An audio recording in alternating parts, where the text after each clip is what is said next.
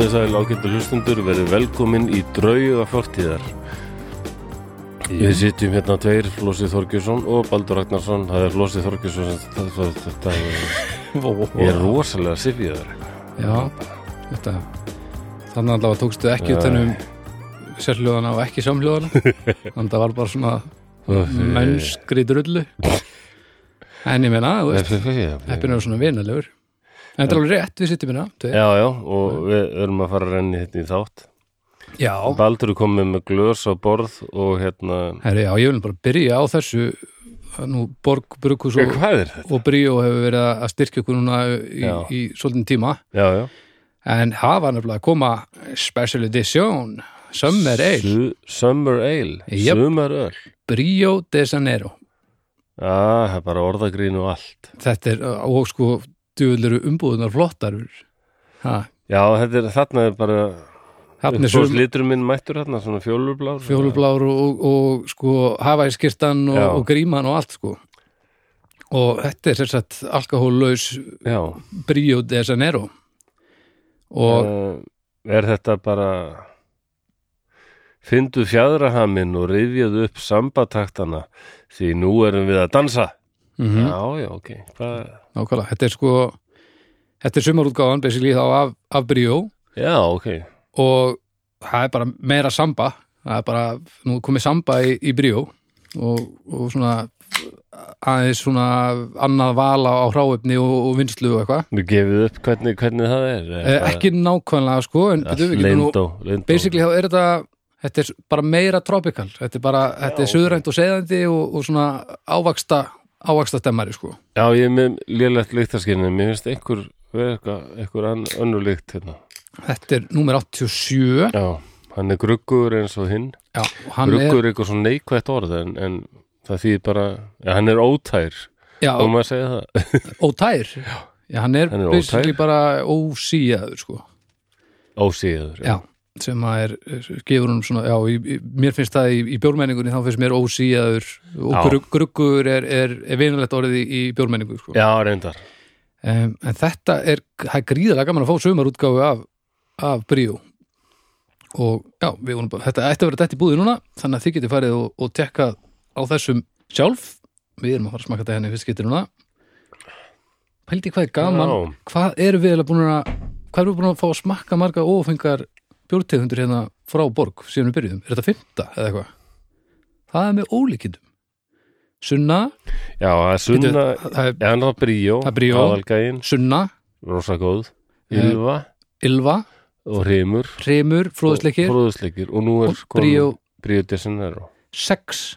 Sex ófengi bjóra sem við höfum fengið að Já, að- Já, representa hérna. Sunna er svona dald, hún er 1% minni mig já, en, Eða eitthvað svona. Já 1,4 eða eitthvað en ég minna, það, það er- það er alltaf já, ó- óáfengt og ekki óáfengt ég Já, ég, ég drekk, drekk hana sko. Já, og, og pilsnerinn er 2,25 eða eitthvað Já. en er, Það er á mikið fyrir mig. hún er vel, vel undir því sko.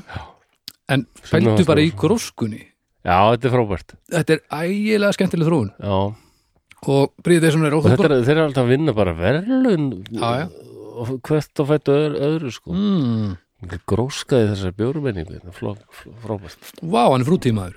Hmm, þetta er illa sumarlegt. Hann er frúti. Mhm.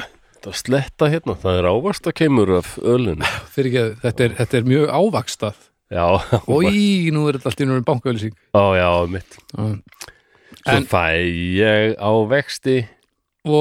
Vaksta á vexti ávaksta á vexti. Ég, við tökum þetta lag næst við tökum lagið. Já, hvað þetta Petrjón, alveg klálega það það er samþýtt allir mínum geimi ég gullið. Múmin múmin andabæjar Ég- skell, hvað er, að, hvað er að gerast með augnar á þér? Ég veit. Akkur eru augun ég veist ekki að vera til. Eh, eh, ég fann sem sagt sko hérna, Já, gamla auglýsingu eða eitthvað Já. svarkvíta frá 74 5 eða eitthvað. Og þetta var aftur, nei, það er 73 4 eða 2 hvað er það, útvegs Já. sem er náttúrulega ekki lengur til. Nei, nei. Út af, út af þessu ætla ég Já, þetta var aðalega hún hérna Trína, hún átti sagt að fá svona stjörnur í augun eða ekki, var ekki það það sem já, er þetta stjörnur í augun? Ég held hann bara, mikið er þetta fallegur gítar og hún er alltaf stelpan, hann, hún svo hrifin úr honum, hann er að spila á gítar. Já, þetta, þetta Allir vita það að svo vel, strákur, eldist vel? Allir vita það að strákur tekur gítar og að stjörnur í augun, þetta er náttúrulega bara eins og þessi búið að sáldra englar í kjögun Já, algjör var bara hrein stjörnum ofsalega óhugnalegt. Mikið er þetta fallegur gítar. Mig langar að- ég bara, Já, mér þykir, ég á trínudúku, mér þykir nú alltaf væntum hana. Hún er ekki svona ræðileg í, þú verður að koma með hana. ég skal koma með hana, hún Já. sér það að hún er bara mjög, ok, ég er opinn fyrir því en þú veist já, þetta er samt svona svolítið, þú verður bara að vera einn með henni, bara nei. Líður, þú getur alveg beðum að vera einn með stelpunni úr þeir ring en ég, ég er ekkert viss um að hafa verið kvöldstund sem verður lægi sko. nei, ég En- sá alltaf fyrir mig svona skets sem einhver familji var að horfa á eitthvað sitcom og svo breytist allt nú og þá er þessi japanska stelpa að koma að klifur út úr sjónvarpinu. Já, og fjölskylda stendur á fætur og fer að lemja hann aftur og reyna ítinni aftur inn í sjónvarpinu. Hættu þessu, anskotin þessi draugur komin en einu sinni. já, já, Já, Farðu að láta okkur hriði þetta. nákvæmlega. Svo... Þegar ég var einhvern veginn Jú, finnst það alveg flott mynd en það ringa ekkert svona sástu upprunalegu já, finnst það alveg gó- góð sko, finnst það ekkert óbúðslega óhugnarleg en, en flott mynd já, það var svona alveg uh, andi í henni eins og oft í þessum asísku myndum er allt annar fílingur sko, ég er nú ekki svona heilt yfir, er ég nú ekki talsmaður uh, byrjusmynda nei, hárunæringar Há, Nei, háruna og svona, og, og Það er náttúrulega hinn eini sannir hillingur veraldarinnar. En sko sjampo og hárnæring ef einhver tíman, þá Já. mætti nú alveg skella í hana, sko, hún er alveg voða reitt, Já, þessi stel, já, mitt þú veist ekki það myndi nú Og svo- fara svolítið með lúkið hennar ef hún er allt í nú bara eitthvað sing, ding, ding, Svo- ég held úr að sjómarkinu Já, og svo alltaf með þessa japansku drauga þeir eru alltaf með hárið mitt svona Já. leikandi fyrir andlitið og þetta er eitthvað sem Japanum finnst greinilega vola útnalegt kannski er hún bara skælbrósandi undir það er bara þarf eitthvað að sjá um hárið hennar. Ég veit ekki, Já, ég hugsaði bara alltaf eins og Richard Pryor þegar hann var að tala um The Exorcist það er svo fyndið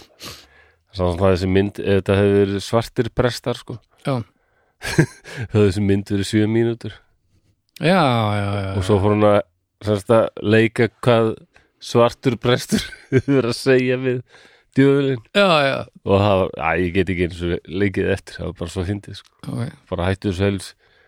Hættu þessu villur svo greittur eitthvað hérna, farið í bað, þetta er ógislegt farið að hjálpa mömmuðinni hérna já, út með þig. Richard Pryor var svo fyndin hann var fyndin Já. og alveru guðuruglaður já, já, það var það er svona, já, já, fóð 70s, það var aldrei mikið kokain einhvern veginn, var, var svolítið, hann var svolítið svona já, að móki sig alls konar. Já, Já, já. þessu en já, ég ætla bara, takk uh, Borg fyrir hjálpina enninu sinni og tekja á Bríó Desember þetta, þetta er dótt í verslani núna allavega mjög fljótlega. Þetta er bríó, vennulegi bríó en það er alveg, eins og þú segir, meiri ástakemur já, þetta er bara sumarútgáfa. Já. þetta er basically sumarútgáfa af því sem við þekkjum. Lístu vel á það, snildalett Herri Lögkirkjan já, eh, það, það dásanlega hlaðversp batteri sem hefur heltekið mitt líf núna síðastliða ár. Já, ég trúið því.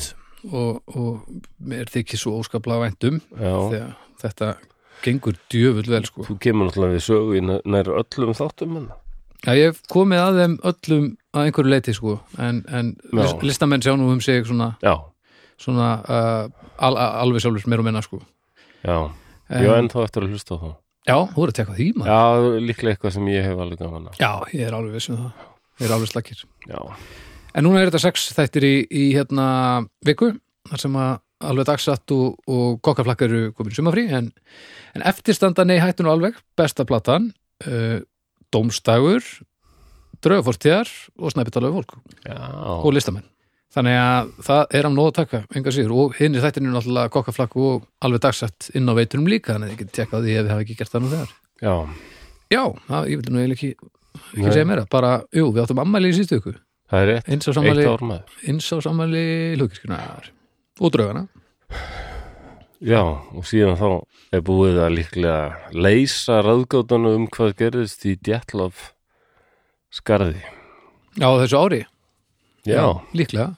Allavega komin, st- já, kenning sem að, er, já, og færðar bara sterkar líkur fyrir því með vísindarlegum aðferðum. Þetta hafi verið snjóflóð. Já. Vísindi, hafa það einhvern tíma gert eitthvað fyrir makkinu? nei, nei, Ha.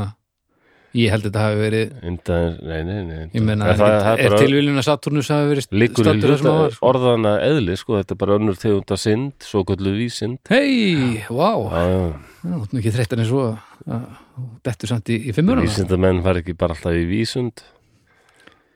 Frekar en, æ, nei, hjálp. Ok, þetta er, já. Á, nei, þetta er ekki þetta er Nei, þetta ekki.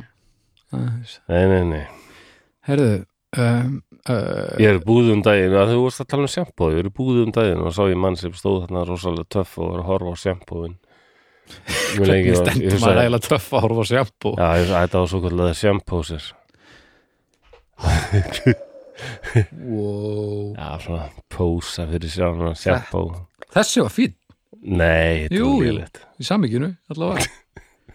Já, hérna hér Já, frændi minn skrifaði um daginn sko á Facebook að hann var svo reyður út í eitthvað svona gaur sem, sem bara stilti sér upp og var hellingi að skoða sjampóin og hérna, trublaði sem sagt umferð í hérna gáttinni hérna, okay. já að fólk komst ekki framhjá með, með hérna inköpa vagnarna sína út af þessum, ég sagði, já, þetta er svona þetta er pósers, sjampósers Já. Er óðalegi, sko. Þú er nú að uppsker einhver like á Oh þetta? my god, ha. Já, já, nei, nei. Heyrðu, ég var samt að bara að venda okkur í Ég var að velta því fyrir mér í gær. Særa Ég var samt að velta því fyrir mér í gær. Eh, Er eitthvað orð, Flósi, í íslenskunni sem að uh, er ég að bugað og, og, og fullt af yfirvóandi hörmungum og, og, og frústrerun og orðið háanatími?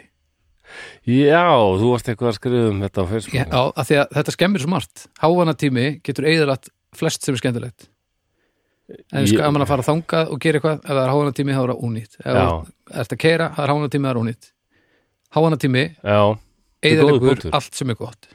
Og Já, er eitthvað annað, að, er eitthvað sko, annað orð sem spannar svona marga sta, svona kema lífsins? Ég meina, annir í sjálfu sér er náttúrulega bara annar tími er nógu slæmur. Já, en þetta há sko, Há annar tími, Það sko. Það er bara, þú veist, háflóð Nei, þetta er góður punktur Þetta, þetta, er, þetta er ekkert nema alveg hryllingur, sko ég heyri aldrei ekkert jákvætt einhvern við nota orðið háanatími og ég hugsa, hmm, Þetta En er bara gaman. að vera fastur í Getur ekki bílnum, beðið. bílnum bara í já, umferð sem mjagast áfram eitthvað já svona horfa á sentimetra. sömu djöfulsis aftur úðu blöðkuna Já. móka engu uh, frá svo að bílstöðunin sjáu aftur fyrir sig þegar ég er að gera ekkert næstu tvo tímana þetta, Hver það sérstaklega töðun orðið? Þegar fólk er með kveitt á nei afturúðu þurrkunni og það er kannski engi rigning en- Nei, ég held að sé ekkert sem gerir mig það er fótt sem gerir mig brjálaðan eins rætt og þegar að þegar að það er fólk að keira annarkvort og undan mér eða eftir mér með stefnuljósið á svona 20 myndum eftir að það, Já, já. það beigði eða Já. ætlaði að beigja eða eitthvað. Já, ég skil. Af því að ég verð svo svo leiður. Já, já, að það er hljóðið í þessu og þú sért að hlusta hátt og það er blikkandi ljós líka. Já, já. ef að ekkert að skilningavitunum registerar að, að þú ert að, að segjast alltaf beigja já. þá áttu kannski ekki að vera að keira bílinn sko. Ágættur punktur. Af því þ- þetta, þetta er svo lítið þetta. Nei, þetta er svo lítill partur að því að keira Já. og þetta, á, ef þetta er ekki in the bag Já, þá ættir ekki vera að reyfa risastóra málumhluti á, á 20 eða 100 kilometrar hraða innan um fólk sko. þetta er góða punktur. Og ég er alls ekki að segja að Þetta að leikur smá óöryggi ekki, ekki hætti að nota stefnuljós. Það, það, leið, það leysir ekki neitt. Nei, guðanum, en endilega að nota stafnljós þetta er bara svona aðeins taka stöðuna og svona, já, vera aðeins með þetta hvað maður er að gera. En Ég, ég, ég, ég á til að flauta fólk sem bara hægir allt í hennu rosalega á sér. Og, og er svo að beigja þess að gefa stafnljós Ég á á það að til að gefa bara svona pip. En minnst þetta dónaskapur og bara hvernig býpar þessu? það er svona dup, Já, já, já, já, svona hnitt með það svona. Já, bara svona högg út ekki svona, út ekki svona leggja Nei, svona ég, nei, það er alveg Nei, það notaði bara í ítrustu til dæmis ef bíl fyrir frammi er að bara gleymi sér á grænu. Já. Ég vil ekki því sjálfur. Já. Þá vil ég fá bara svona bip, Já, bara svona, já, en ekki bip nei, það er miklu meira hattur í því sko. Það er alltaf langt gengið sko. Þetta er sko lengt bílflötu er, er held ég rikterskali þetta margfaldast rosalega hratt þegar að þú bætir við bíbið einn á ríktir er rosalega lítið sjö á ríktir er rosalega, rosalega, rosalega margfald mikið meira heldur en sjöfald einn á ríktir, rosalega, rosalega mikið meira. Þannig að þú veist, ef þú ert með bíb versus bíb þá ertu bara komin í stóran jærskjálta á, á bílflötu uh, kvarðanum sko. þannig að ef þið En leggist á sumir er kannski bílflötuna erfitt með þetta þetta fína touch sem við tónlistamennir kannski búum yfir. Já, mennar. Já, við bara svona dutt, rétt Heldur með þetta þetta já, bara, þetta er bara svona áminning. En, en, en bólurinn er svo glöfskur í höndunum að þið bara eitthvað, ég lít á flautun núna. Já, ef þið haldið bílflötu inni lengur en eina sekundu þá er eins gott að það sé alltaf að fara til helvítis já, af því að þetta er eins og að framkalla jarðskjálta upp á nýju, myndi ég segja. Já, það er rétt, en kannski Já. að vera bara tveir, tveir takkar á stýrinu sko hérna. Aðvörunarflaut og brjálaðisflaut já, bara vinalega ábending já, og haptur já, ég held að þetta er já, ok, við þurfum að, að pizza þessa tvo takka.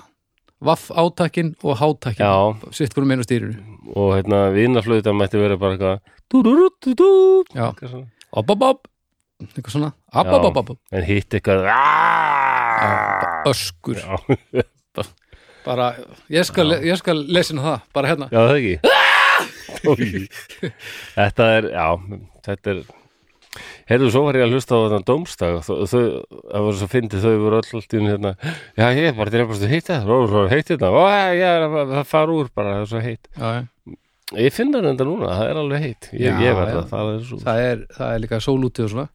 Já, þetta er, þetta er sko eins og þú varst að segja á hann með, með stuppuksur og, og, og þegar að kalt í veðri og svona Já. ég er alveg náungin í bónus sem að er í stuppuksum og þá alls ekki við en það er að því að ég veit hvað stefnir hérna sko. hérna verður oft helvít heitt þegar það er mikil sól sko og það er bara eins og það er Já, ég var að segja Baldur það var í auka þætti sem ekki allir heyra það ekki? Já, ég var að segja bara Patreon, Patreon skottur og Já, djáknar ég segi Baldur frá því að það var maður sem ég vil gerna finna í fjöru því hann er glæpað maður gekk fram hjá, ég býð á jarðhæð hann gekk fram hjá. Já, ég sá að var maður í sandölum og, og stuðpúsum og það var sól úti og ég sagði, "Ja, komið bara sumar og æðist þetta veður og mm. ég fór lekkaletur út og ég er nú kulsæll kulvís eða hvað sem það heitir. Kulvís kulvís, já, kulvís Það er ekki já Hérna já, herramönnunum. finn auðvöldlega fyrir kuldan herra kulvís, Já. það er bók sem ég verið til? í. Nei, ég Nei. ekki, en ég verið til í það. En uh, já, og eftir bara nokkra mínútu var ég bara skjálfandi og bara hvað, þetta er eitthvað ránt mm. og sá svo á úrinu mínu og það var fjóra stiði hiti já. það er sem sagt va- varla hiti eiginlega, sko. en svo, að þessi maður er greinlega sturlaður og hann bara veikur falskar vonir með því að lappa fram hjá íbúð minni þetta má ekki gera svona þetta er hann var augljóslega sturla já, þetta er ekki, þetta er ekki lægi nei, ég er alveg saman því, við skulum skella allir skuldir á þennan mann. Það er ekki eins og þú getur Það er, sér það hvernig stundum svona, veðrið sér það stundum hérna á Íslandi að bara kemur smá sól og það er ekki trilltur vindur svona, já, ég í glugg, við, klukkustundir. En það þýðir ekki þá það bara heilu fjölskyldunnar komnar út eins og þessi bara á bermúta eða eitthvað. hvað heldur þessi maður lappi einu sinni gegn miðbæin og það verði bara 30 tímas úti? Ég, ég, það er stór hætt á því. Getum ég var í lífsættu við skulum ekkert skella allir skuldinni á, á, á stuppuksna garpin uh, ég, já, þú ert með, þú ert með tæki vasanum, þú getur tekka og hittast í og svona, og svo getur þú farið út og tekið stöðuna svona, hmm. Ég er að gera það með ég- Lilju alltaf núna, við fyrir út og svona, ég mun "Ja, hvað- passa heyrðu já, það það er svona kalt já, við þurfum að fara í þetta og þetta, þetta. já, ég mun allavega fylgjast með tækjunum og sjá hvað þau segja sko. já, ég myndi gera það, allavega ekki hata en svona stuppuksum, brjálaðingar þetta er heyrðu það var að byrja það hann er komin að spítala núna sem maður, lítur að vera. Heldur það? Já, þetta líður þetta Fjóra Já, ég gráður, stuttbursur og eitthvað. Ég skil þig, ég skil þig. Á Bahamas. Á Bahamas. Já, við erum hérna rétt fyrir sunnan heimskuðsbögg Menna, hvaða já, já, en ég meina, þetta er herri, ég ætlaði bara að tekka Það þig er ástæð fyrir því þetta heitir Ísland sko, ég meina. ó, svo gamall núna. Já, mér finnst líka pyrrandi þegar fólk er alltaf eitthvað að væli yfir veðrin og svo og bara hvað lítið bara á hérna landakvort þá sjáum við bara hvað Ísland er og hugsa bara, "N- n- ok, nei, það er engin ástæð til að vera eitthvað tuðaðir veðrið er bara ágætt á Íslandi. Já, Ég meina- já, það er fínt sko. Þetta er bara til veðri á ekki að vera Nei, eh, eitthvað sem að þú, þú, þú lærir seint eða illa sko. Og sjáum það núna meðan þetta blessaði Elgós er hérna bara rétt við höfuborgina þá er allt í hennu það fyrirbæri sem Íslendingar hafa hatað öldum saman meira en nokkuð annað náttúru fyrirbriði, vindin þá var hann allt í hennu orðin vinnur okkar. Já, eða hann blæði spurtu þessari eimirju já. Koma Já. að því. Þegar, það er sama, það er bara þessi gamla saga. Þegar það er átt sameilan óvinn þá verða vinnirnir aðri sko. Já, það er já. Ég ætla- það ég ætla að fá að- minnast á hvað enn einu sinni. Já, ég ætla að koma inn á eitt póst sem við fengum senda já, hvað brálaði uh, uh, uh, Já, sko. Það Eh, höfum við nú gert. Það er að rifið upp hérna. Hæ, takk fyrir þennan frábæra þátt og allt efni sem fylgir hér, á þetta er á Patreon sem fylgir hér inni. Ég byrjaði að hlusta í byrjun þessa ás og við fundum mikla tengingu þar sem ég er eins og blanda af ykkur tveim þunglindis og kvíðisölungum með ADHD og margt fleira. Hefur í tónlist frá unga aldri uh, og já, já, alls konar Varandi þáttin sem fór í lofti í dag 19. mæ, hvað það er þá dýr í stríði, er það ekki? um, Nei, 19. mæ, uh, jú, jú, jú það, það, það er þá dýr í stríði eh, þá fannst mér alveg sérstaklega gaman að hlusta þar sem ég er dýra þjálfari nána tiltekið kvala þjálfari mm. wow. og lífið mitt hefur snúðust um dýr alla tíð og ég þakka fyrir rosalega skemmtilegan þátt en þeir spurðu út í tennurnar á nákvölum það er ekki, mitt, mik, það er ekki mikið vitað um tilgang þeirra fyrir utan skilmingarna frægum milli karldýrana en það eru margar tilgáttur um þessar fínu tennur þeirra meðal annars að þeir getur verið einhvers konar skinnfæri og það getur verið mikil næmni í þeim En það hefur sérst til þeirra að stinga gat gegnum hafís sem liggur á yfirborðinu og stækka opið með tönninni til þess að komast upp að yfirborðinu til þess að anda. Þið komu líka aðeins inn á rúsneska spæjaran, mjaldurinn Kvaldimir. hann er ennstættur í Noregi eftir að hann fannst þar í april 2019 en hann er enn nokkuð háður fólki og við hér hjá Beluga Sangsjóður í Vestmannum er að- að vinna náið með þjálfurunum sem eru þar og fáum fregnir á honum reglulega. Umræðum um hvort það sé réttlætanlegt að hafa dýr í haldi er vissulega mikilvæg uh, er vissulega mikilvægt en það er svo óbúslega stort og mikið viðfóksefni eitt og sér að ef ég færi út í það er þetta mjög massíf reitgerð. mm. Uh, mér langar samt að rósa ykkur fyrir að taka svo vel á, á öllum svona þungum umræðum og spjallum með mikil nærgetnu og með opnum hug. Uh, eitt annað því þið komið inn á Star Wars og hljóður ljóni sem var notað, þá langar mig endilega að tróða furðulegri kvalaþekkingu minn inn í málið og segja frá því að hljóðin úr laserbissinum í Star Wars eru nákvæmlega eins hljóð og uh, eins og hljóð sem kvaltegundin hrefna gefur frá sér. Nei, hvað Bjúm. Já, nú hefur við báður unnið við já. maður heyrði aldrei, aldrei hljóðin einhvern veginn. Ég hef heyrt hljóð ég hef heyrt að þau hljóð voru í raun notuð í myndunum en ég veit ekki hvort þessi raun eða hvort þau hljómi bara nákvæmlega eins. Og afsakið þessar langlóku bara alls ekkert að afsaka, þetta er frábært. Þetta er bara, hittum einmitt á, á hennar sérsvið og Já, hún getur bladraði um þetta tíminu saman. Þetta er frábærar upplýsingar. Takk fyrir þetta og mjög gaman að, já, þess að nákvælurinn er allavega, hann er aðeins að tálka með þessu já. Og uh, það er gaman að, að, Já, ga- já, já, þetta að heyra aðeins Ég að- var náttúrulega held að þetta ætti eitthvað raunni úr okkur fyrir að ég hef engin- notað eitthvað gamalt orð eitthvað hérna. Já, nei, nei, það, það getur komið það hefði getur, kannski er það komið til okkar þegar þið eru að hlusta þetta eftir síðasta þátt, það getur verið. Já, með Jóhann. Já, það var svona uh, Já, svolítið, meira leitandi það Rísar og dvergar og svona sko. Ég veit Já. að Jóhann var ekki ánæður með að var kallað Jóhann Rísi Hann kunni ekki með það. Hann kunni ekki með það? Nei. Já, akkur notaður að það allan þáttinn? Gerði því það, hann var alltaf kallaður. Hann var alltaf að kalla það, já. Já, hann var ekkit allt, menna, Jú, hann var náttúrulega Rísi Skilur Hvað er risi? Veist, hvað, er, Já, það, er það bara einhver sem er óvinni stór? já þetta, þetta er bara uh, svona álíkveð heilkenni alveg eins og dwarfism með dvergvöxtur Já, já, og, og fólk með það er kallað dvergar og ég, ég tekka aðeins á þeim sem með dvergar sko, þarna flestir dvergar í bandaríkjunum til dæmis eru að- við orðið dwarf bara, en hata orðið midget það, það er orð sem við vilja algjörlega losna við og hver er ástæðan fyrir því? Midget, það er bara finnst þeim finnst það niðrandi bara niðrandi, já, bara niðrandi nótkun já.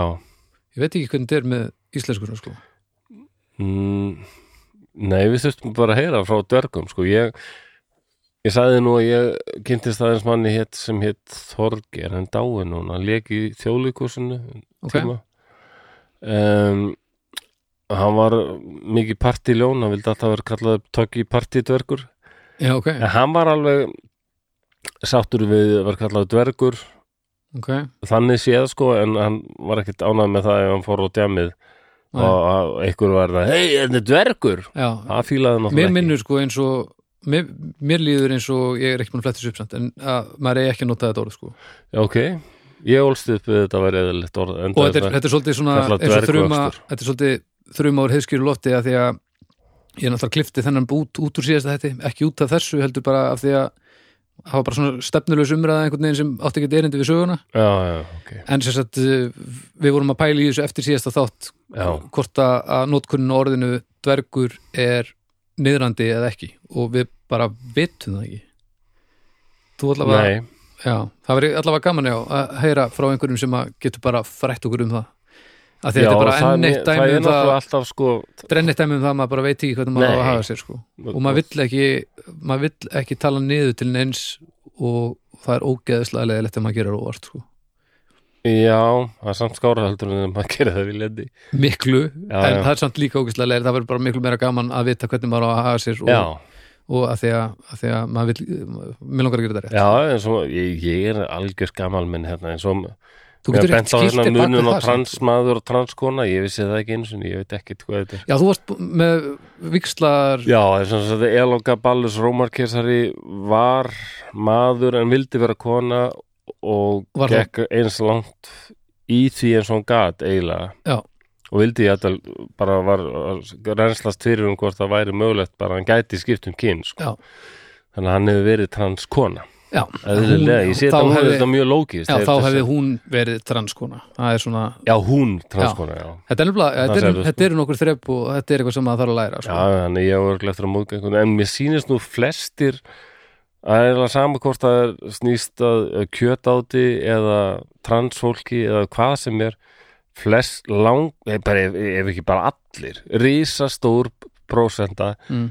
hefur alveg skilning á því að venjulegt fólk sé kannski dálítið ringlað og veit ekki alveg hvað það er að segja já, eða, mér sýnist það sko það er alveg fyrirgefið tekur, já, já, tekur viljan fyrir verkið og, Já, og sérstaklega því að Það er bara, bara bjáni sem segir bara uh, I'm offended, sko, ef maður rugglast eitthvað, ef einhver er líka bara- áttræðu kall rugglast eitthvað á þessu það er líka bara frábært að, að, þegar svo margir að hlusta hérna að við bara kúkum aðeins upp á bak tökum það á okkur, að því að Já. ég held að við allir að við viljum vel fáum bara Já. réttar ábendingar og get, þá getum við komið til skila og þá er fólk að núti sem getur þá e, aðlagast án þess að þurfa að, að brenna sér sjálft á því Já, að, já. að segja eitthvað sem maður vil ekki segja. Er það ekki bara? Jú, við vorum náttúrulega með til dæmis þáttanum að Eugene Bullard Já, og þar set, notaði þetta N-orð Já. sem er mjög illræmt. Já, en það var í samhengi, sko, það var hvítur múur já, hérna í já, Söðuríkjunum sem vildi, sko, hengja pappans akkurat. En við vorum velta þessu samt fyrir okkur. Ég komst í sambandi tvo bandarækjumenn mm sem búa hér á Íslandi Já. og þau eru svört. Já. ég má segja svartur eða ekki? Jú, Ég held að það jú, nefnilega. jú, þú mátt það. Já. Ég spurði þau sem sagt sko, og þau bara í þessu sami þetta allt í lagi.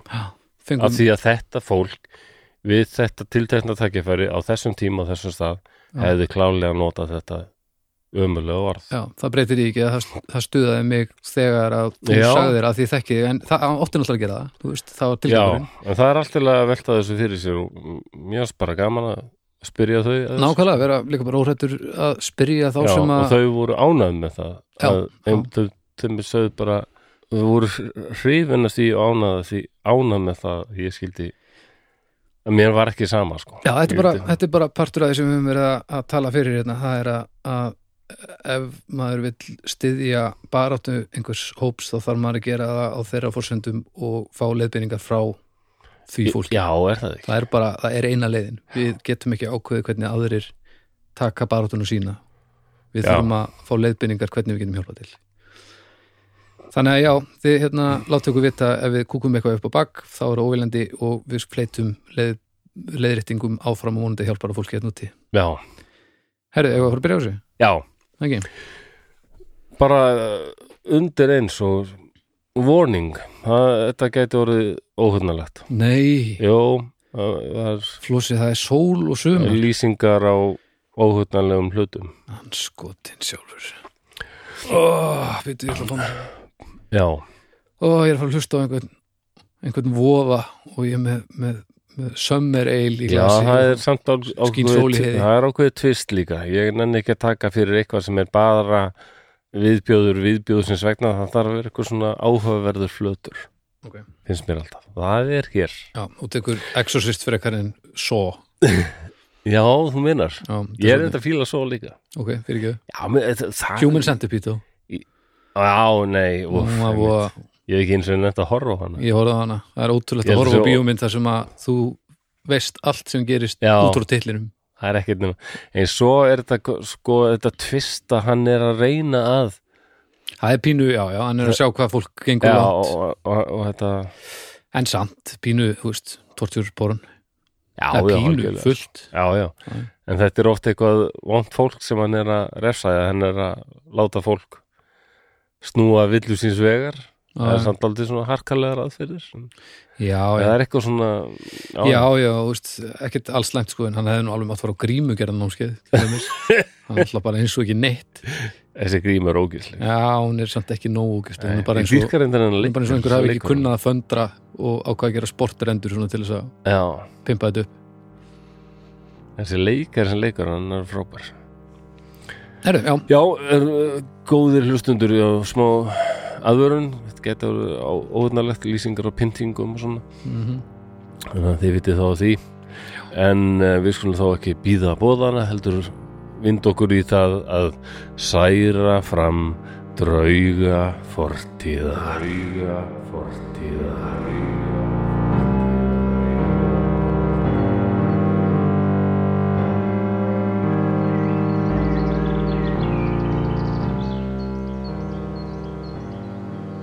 Ég man enn eftir fæðingardegi hennar Það hafði verið hlýtt og indælt veður í margar vikur, enda langt liðið á sumar. Þann 7. ágúst á því herrans ári 1560, þá breyttist eitthvað. Stálgrá ský dró fyrir sólu og heiminin myrkvaðist með þvílíkum hraða ég hef aldrei séð annað eins. Þegar hún kom í heiminn, þá logaði himinin í eldingum og þrumur skóku kastalan, svo vart heyrðist mannsins mál. Það var fljótlega ljóst að þetta barn var ekki eðlilegt. Hún fekk reglulega ofsafengin flóg og þurfti að fylgjast vel með henni. Þá þegar var fólk alltaf á nálum í kringum hana vegna flógana og reyði hennar var ægileg ef hún fekk marbletti eða sár. Þjónustu fólki var oft refsað harðlega fyrir að passa ekki nægilega vel upp á að hún slasaði sig. Hún var afar fallegt barn en vegna veikleika síns var hún mjög föl á hörund en það þótti ímsum jafnvel auka á fríðleika hennar. Sumir sögðu að flógin væru vegna þess að blóð hennar væri spilt vegna sifjaspells í ættinu. En það voru afar fáir sem þorðu að gaspra eitthvað um það. Aðrir töldu að hún væri eflaust barn djöfulsins og fjölskyldan stundaði mannfórnir hinnum myrka höfðingja til heiðus. Frænka hennar var einnig þekkt fyrir að finna upp á afar frumlegum og hryllilegum aðferðum til að refsa fólki og svo virðist sem barnið hafi lært þetta einnig. Er hún var tíu ára var síkauðni einn handtekinn grunaður um galdra og þjófnað. Það átti að refsa honum harðlega og ég man þegar þetta gullfallega barn spurði mig blíðlega hvort hún mætti ekki fylgjast með aftökunni. Brosið var svo hrollvekjandi og svo mikill kuldi og tómleiki í augum hennar að mér rann kalt vatnmilli skins og hörunds. Ég þorði ekki að neyta henni. Hún fylgdist spennt með og leit ekki undan er sígaunin var fyrst húðstryktur svo blóðið lag í stríðum ströymum. Síðan var hann, enn lifandi, saumaður inn í kviðin á sjúkum hesti og skilinn þar eftir til að deyja. Þegar bæld skelvingar ópinn tóku að þagna, heyrði ég annað hljóð og sá herðar litlu stúlkunar hristast. Ég held að hún væri að gráta, gekkað henni og lagði hönd á öxl hennar til að hughrista hana. Hún leit á mig og þessu augnaráði mun ég ekki gleyma svo lengi sem ég lifi. Hún horfi á mig skælbrósandi og föllt andlitið ljómaði. Hún hafði ekki verið að gráta.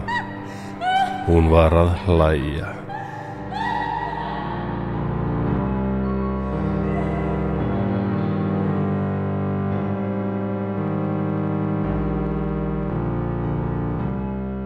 Þá er lesturinnum lokið og við erum aftur komin. Við nútímans.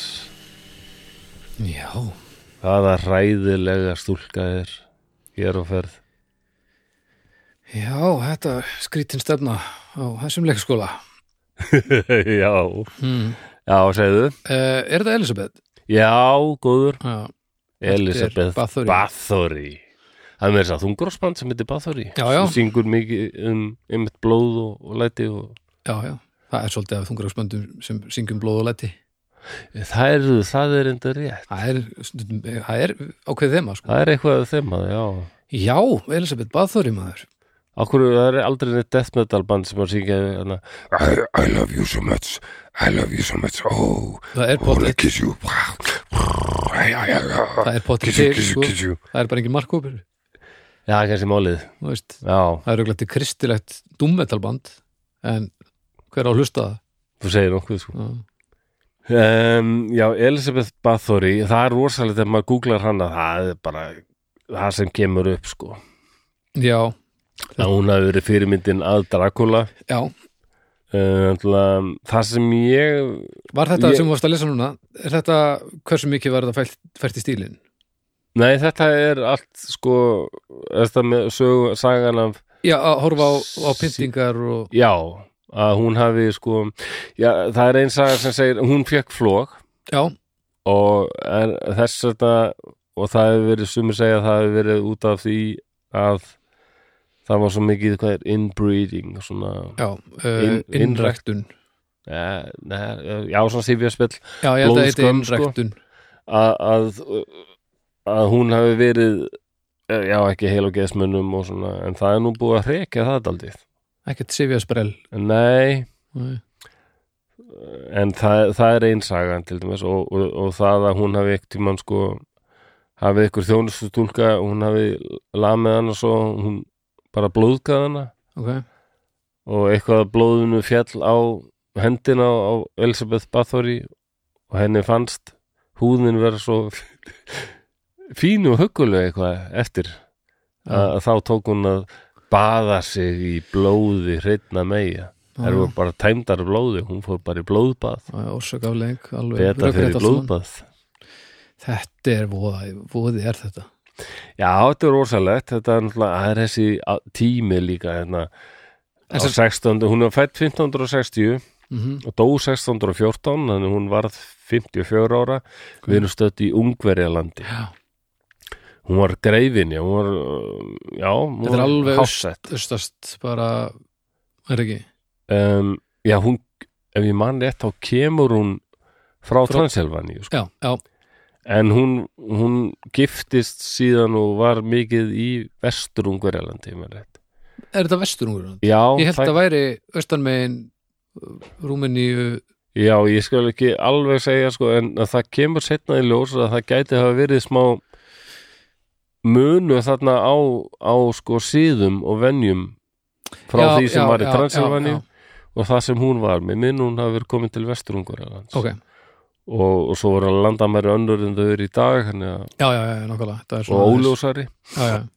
En það er oft talað um Elisabeth Ég held Bathory að væri þarna við þarna norðaustur af Debrecen hún var aðalega í kastala sem hét ég, bara, ég get ekki, ungarska er nú ekki auðvöldast að sem hét eitthvað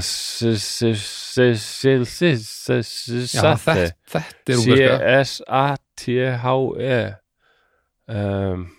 Kastle nú erum við bara hérna í Akkur er maður að nota þumalputtan til að slá eitthvað inn á? Ég ger er alltaf bara- eitthvað vitlaus. Það er þú þúsund ára. Já, það er ekki Ég held það Já, ég finn hann ekki Hvar hún var nákvæmlega En við getum Það er kannski ekki alveg málið það er nokkuð Þannig við Castle of eitthvað Slovakíu. Það er Slovakíu Slovakíu, já, ok En það er sem sagt aldrei vestarlega Miklu vestar Já, heldur en já. Transilvania sko.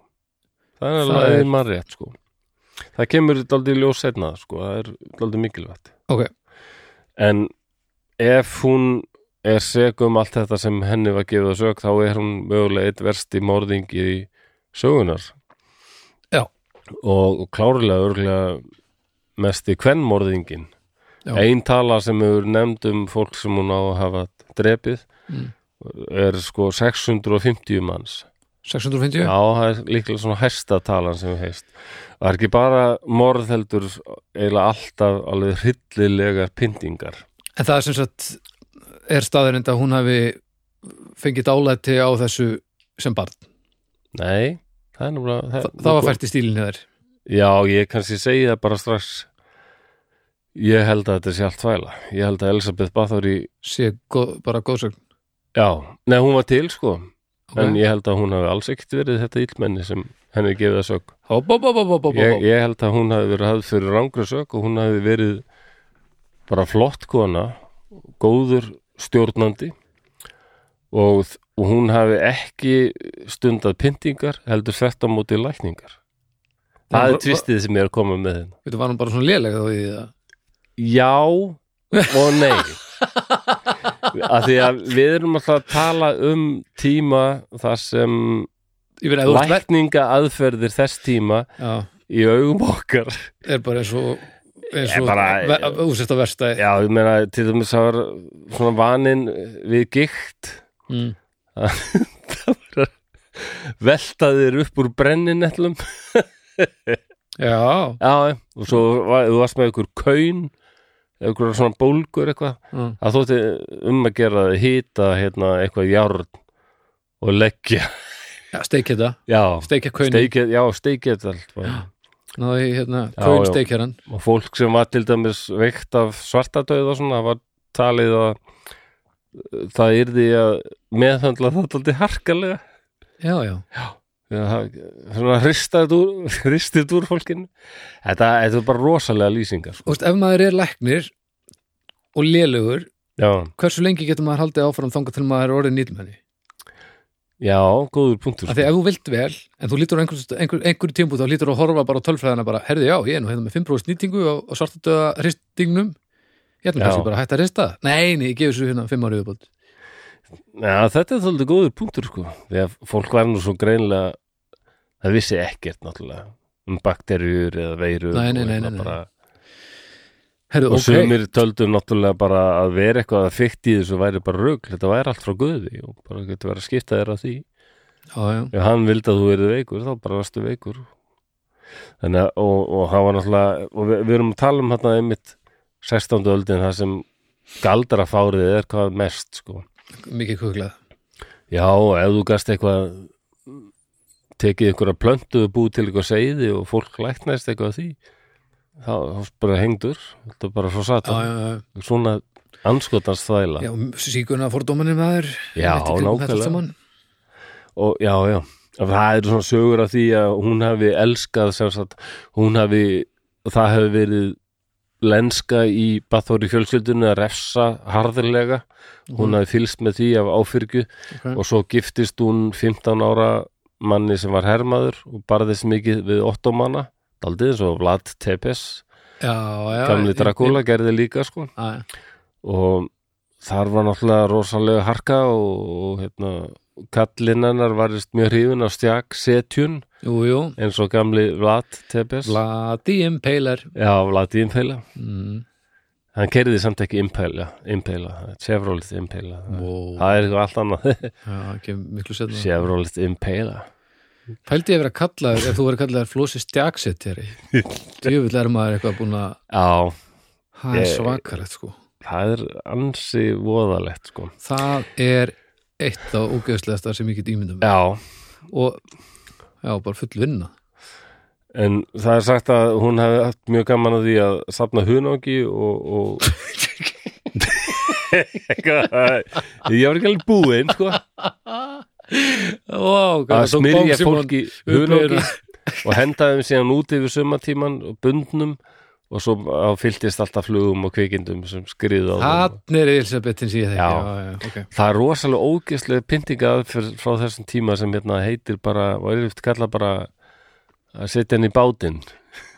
Setja hann í bátinn? Já, þá var fólk sko sett í eitthvað svona bjálka Mm. sem flöyt og bara hendur og fætur og haus stóðu út úr uh, en uh, en þú varst líka lát, uh, látin fljóta í vatni og yfirleitt fólk oft einmitt smurt með hunangi ykkur drasli og neitt til að drekk, geta að drekka rosalega mikið eða skýri eða ykkur og svona. Svo það fekk rosalega niðurgang.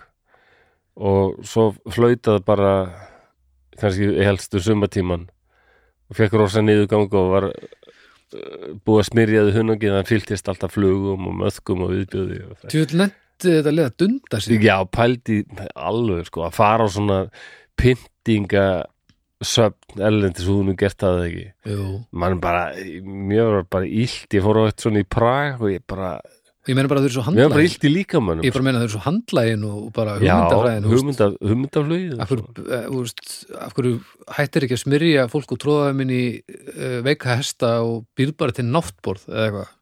Ég nákvæmlega. sl- slökum aðeins á Nei, nei, það, þetta er bara mannkynnið þetta er alveg saga þess. Já, eins og segi, geimur eru löngu búin að finna okkur það er bara, já, já. kíkjum að þessu sögu þeirra fyrst. Já, nei, nei, nei, nei, nei. Nei, nei, sérðu, þannig saumaði hann inn í hestin Já, Nei, nei, við sleppa þessu liði bara. Og svo var sagt að á veturna þá, þá gat hún kannski ekki gert þetta leikið hunungslistina sem hún hefði svo skemmtilegt. Þannig að þá voru hérna sérstaklega gaman, henni er svo gaman að, að mikið konur sem urðu fyrir barðinu á henni. Að þær voru neittar til að afklæðast og, og settar í svona ísböð meðan þegar það var bara alveg frost úti og svona. Já, og að hún hafi hérna brennandi heitar nálar í fingurna skera nef af er hún bara, er hún bara, af. Er hún bara að hafa ofan af fyrir sér eða hvað? Já, hann bara verið sat satisti bara, Bara bara notið þess rosalega að sjá fólk þjást. Og hvað er hún gömul þarna, 15-20 þá eða? Já, hún, hún, þetta ávist hafa vestnað mikið þegar hérna maðurinn enn dó, þá er hún reyndar eitthvað um 40 ára held ég. Ok, en þetta byrjar bara Já, samt já, þarna já. snemma. Og hann ávist að hafa verið frekar grimmur líka sko. Ok, og, en sko, er, þetta er bara sögursætnir já, já, já, já, já. nú er ég búin að kefta þeim sem ég sagði að ég held hún sé saklaus. Ég er búin að, bara búin að það er umdeilt en það er alveg ágætar. Mér finnst bara sko sumir hafa komið inn til varnar og mér finnst bara þau rauk vera bara nokkuð góð sko. Ok, viltu klára fyrst góðsögun? já, sögnina? taka vondu bathvöri fyrst Já. og hún hafi sko líka bitið í hérna það kemur þetta vampíru legendið, Já, já, já. bitið í axlir og háls og, og brjóst kvenna og, og brent, brent fólk og elskað að brenna kinnfæri karla og, og bara uh, allur viðbjöða sem maður getur rýmið það sér. Ok, og mjög, og alltaf með skæri á sér hefði svo gaman að pynta fólk með skærum. Um þetta að klippa hendur og fingur og, og, nef og kinnfæri Var af hún bara fólki með pyntingaskæri? já, já, bara og mikið sitt eigið þjónustu fólk. Þannig að það er nú Hún er alltaf verið að rétta fólki sér skæri og segja hlaupa með þau. Já, já og um, að sagt hún hafi haft gaman því að klippa á milli fingrana á fólki. Ó, já, já, og, en það, þetta sögur um Var hún vinamörg eða? Sög, sögur mm, já, það svo komið að því. Það voru allavega sko nærið því 5.000 manns í eitthvað, hún var mjög upp, þetta var alveg rætt Bathori ættin sko, hún var hátsett. Já. og hún giftist niður fyrir sig sko, maðurinn hennar var lágt, lægra settur. Þannig að hún hét áfram Elisabeth Bathory, hún var sko ekki að fara að taka nafnið hans. En hún giftist þá bara út af ástrilega Nei, hann var alveg hefðar maður líka sko. Já, ok, og þótti bara fóröldur mennar bara leist vel á hann, hann var, já, ok, ekki með reysum um það já, og, þeim, og þeim, og- þeim, þau voru góðu saman, vist sko hérna, í, nokkuð börn í og dundinu? Já, já, já, já. En þetta um að hún hafi baðast í blóði, blóði hreitna með það er líklega setni tíma tilbúningur en svo kem, kemur að því já, að virðast allir hafa vitað að það var þetta var hóðalegur kastalið þetta dó fólk í rönnum Mm. og að vera þjónustu stúlka eða, eða maður í vist hjá Elisabeth Bathory það, það vissi ekki og gott Nei. og en enginn gerði neitt í því því þetta nú bara eitthvað þjónustu fólk. En svo kemur því einhver hefðarkona er í vist hjá henni og hún deyr. Mm. þá, þá var blásið lúrana. þá, þá bara kemur gauð sem heit Þúrsó. Hann var svona sérstakur sendið bóðið konungs. Þúrsó, já, T-H-U-R-Z-O Þúrsó. Þúrsó. Og hann, hann varði náttúrulega grípana sko verða vitnið þessu sjálfur. Hann sagðist hafa komið í kastalan á þess að gera bóða undan sér og þá hafa hann komið að Elisabeth þar sem hún var að lemja þjónustu stúlku til dauða segir hann. Ok, og endanum fekk hann sko alveg upp í 300 vitni til að vitna og segja frá. Að um að þau hefðu séð allskis viðbjöð allan hennar viðbjöð sem ég var að nefna því náðan sko. mál. Ok, það bara, eh, er alltaf til svo pyntingaðferð sem hún á ekki hafa notað. Ok. En eh, að því að við erum að tala um þennan undarlega tíma að því að það, virðist vera að þessi vitni þau voru krafin um, sást þú hérna Elisabeth Bathory pyntaði fólk? Og, ef eitthvað sagði nei, eitthvað, ertu nú alveg viss um það? Herðið skrúfunar á honum.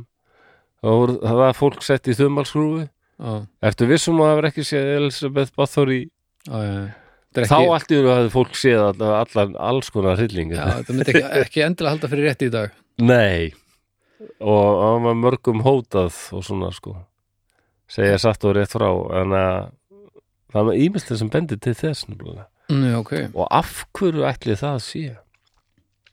Gæti það hafa, hafa eitthvað með það að gera að Mattías Matti, mm, Matti Annar. Mattias Annar. Já.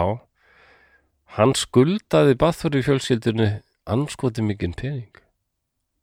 Matti, hann, hann var nefnilega konungur Ungverjalands. Kannski eitthvað þarna eh, Ok, hagsmunum árekstur og ef hún var svona ræðilega vond okkur eru þá ennþá til bref sem hún sjálf skrifaði undir þar sem hún er að skrifa fyrir hönd uh, kvenna. Sem hún klifti hendurnar af. Nei, sem höfðu sko mist menn í stríðunu hún er að skrifa bref fyrir hönd þeirra Ok, til konungsins og hérna byggjum að þessar, þessar, þessar konur fái aðstóð ok.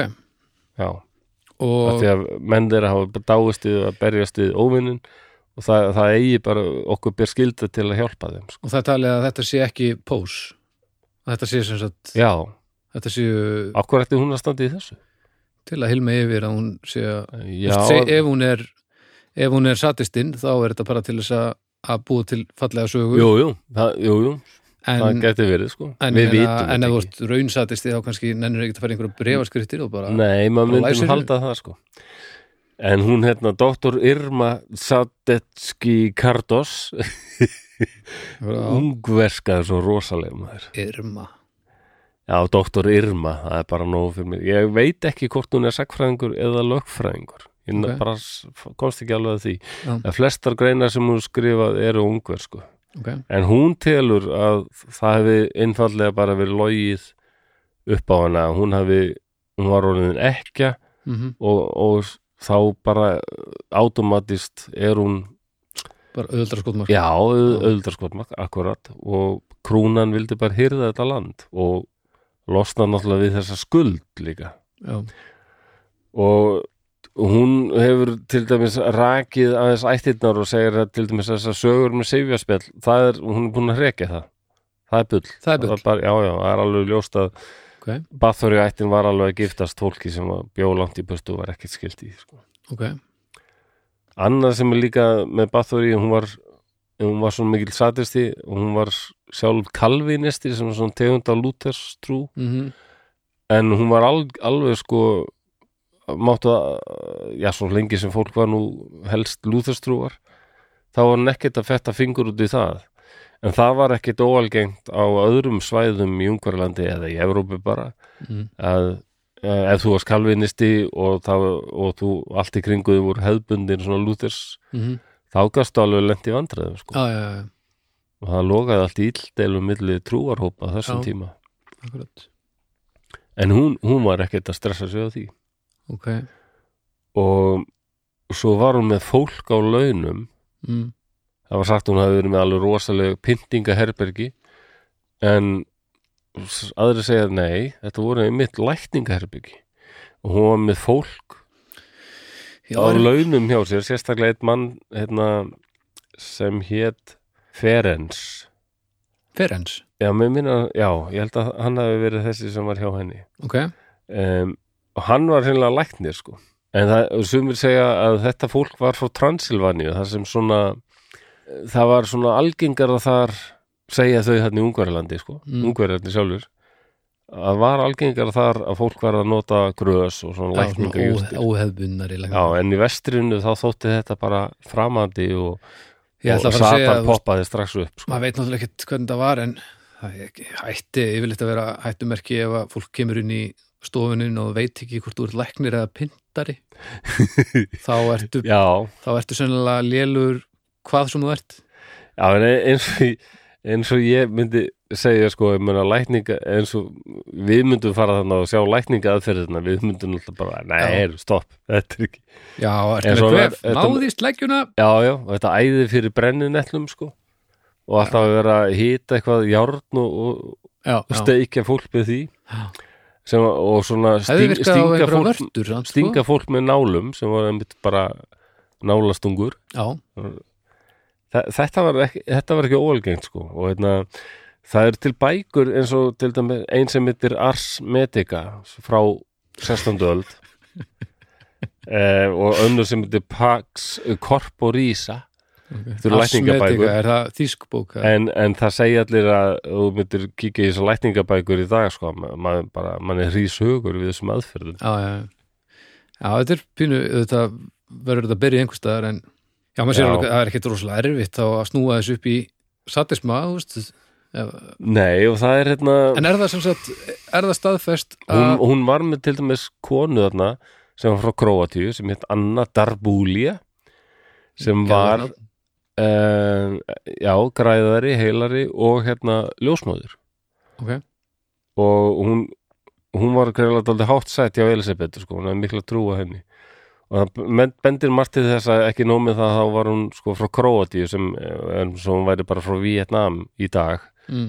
eða, eða fjær. Þetta Já. var bara svo, það var svo langt í burtu. Já, já, já. Og, og þessi, þessar aðferðir hefur bara þótt alveg með framandi. Já, skilja. Og það voru líka yfirleitt þetta er fyndið hverjir sáu að það eru lækningar þessum tíma. Ó, það voru hárskerar. Já, það var til þýskur Það- náttúrulega tann- hárskeri að vera sem, hársker og tannlæknir það er náttúrulega svolítið já, það var þýskur hárskeri sem kom hérna til Íslands og hérna og settist hér að og átti ykkur, ykkur hann fekk land frá konunginum. Og hún tækist að lækna eitthvað ákveðið mikið af fólki hún, sem hún tókst nú ekki en það fekk landið samt. En fólk kom hérna til að klippa hár og já, lækna nokkara um leið. Ok, við erum alltaf með svona einhverja tangir og, og skæri og svona dót og, Ó. en,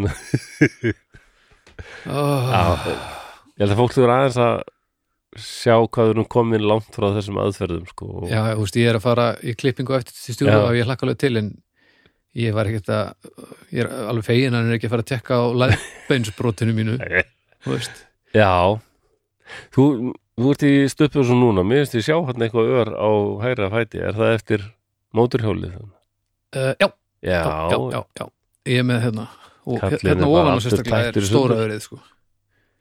Já, hérna þetta er, já, já, maður var allur í stegg en, Og, og þegar kemur kalt viður, finnur þá ekki eitthvað svona verk?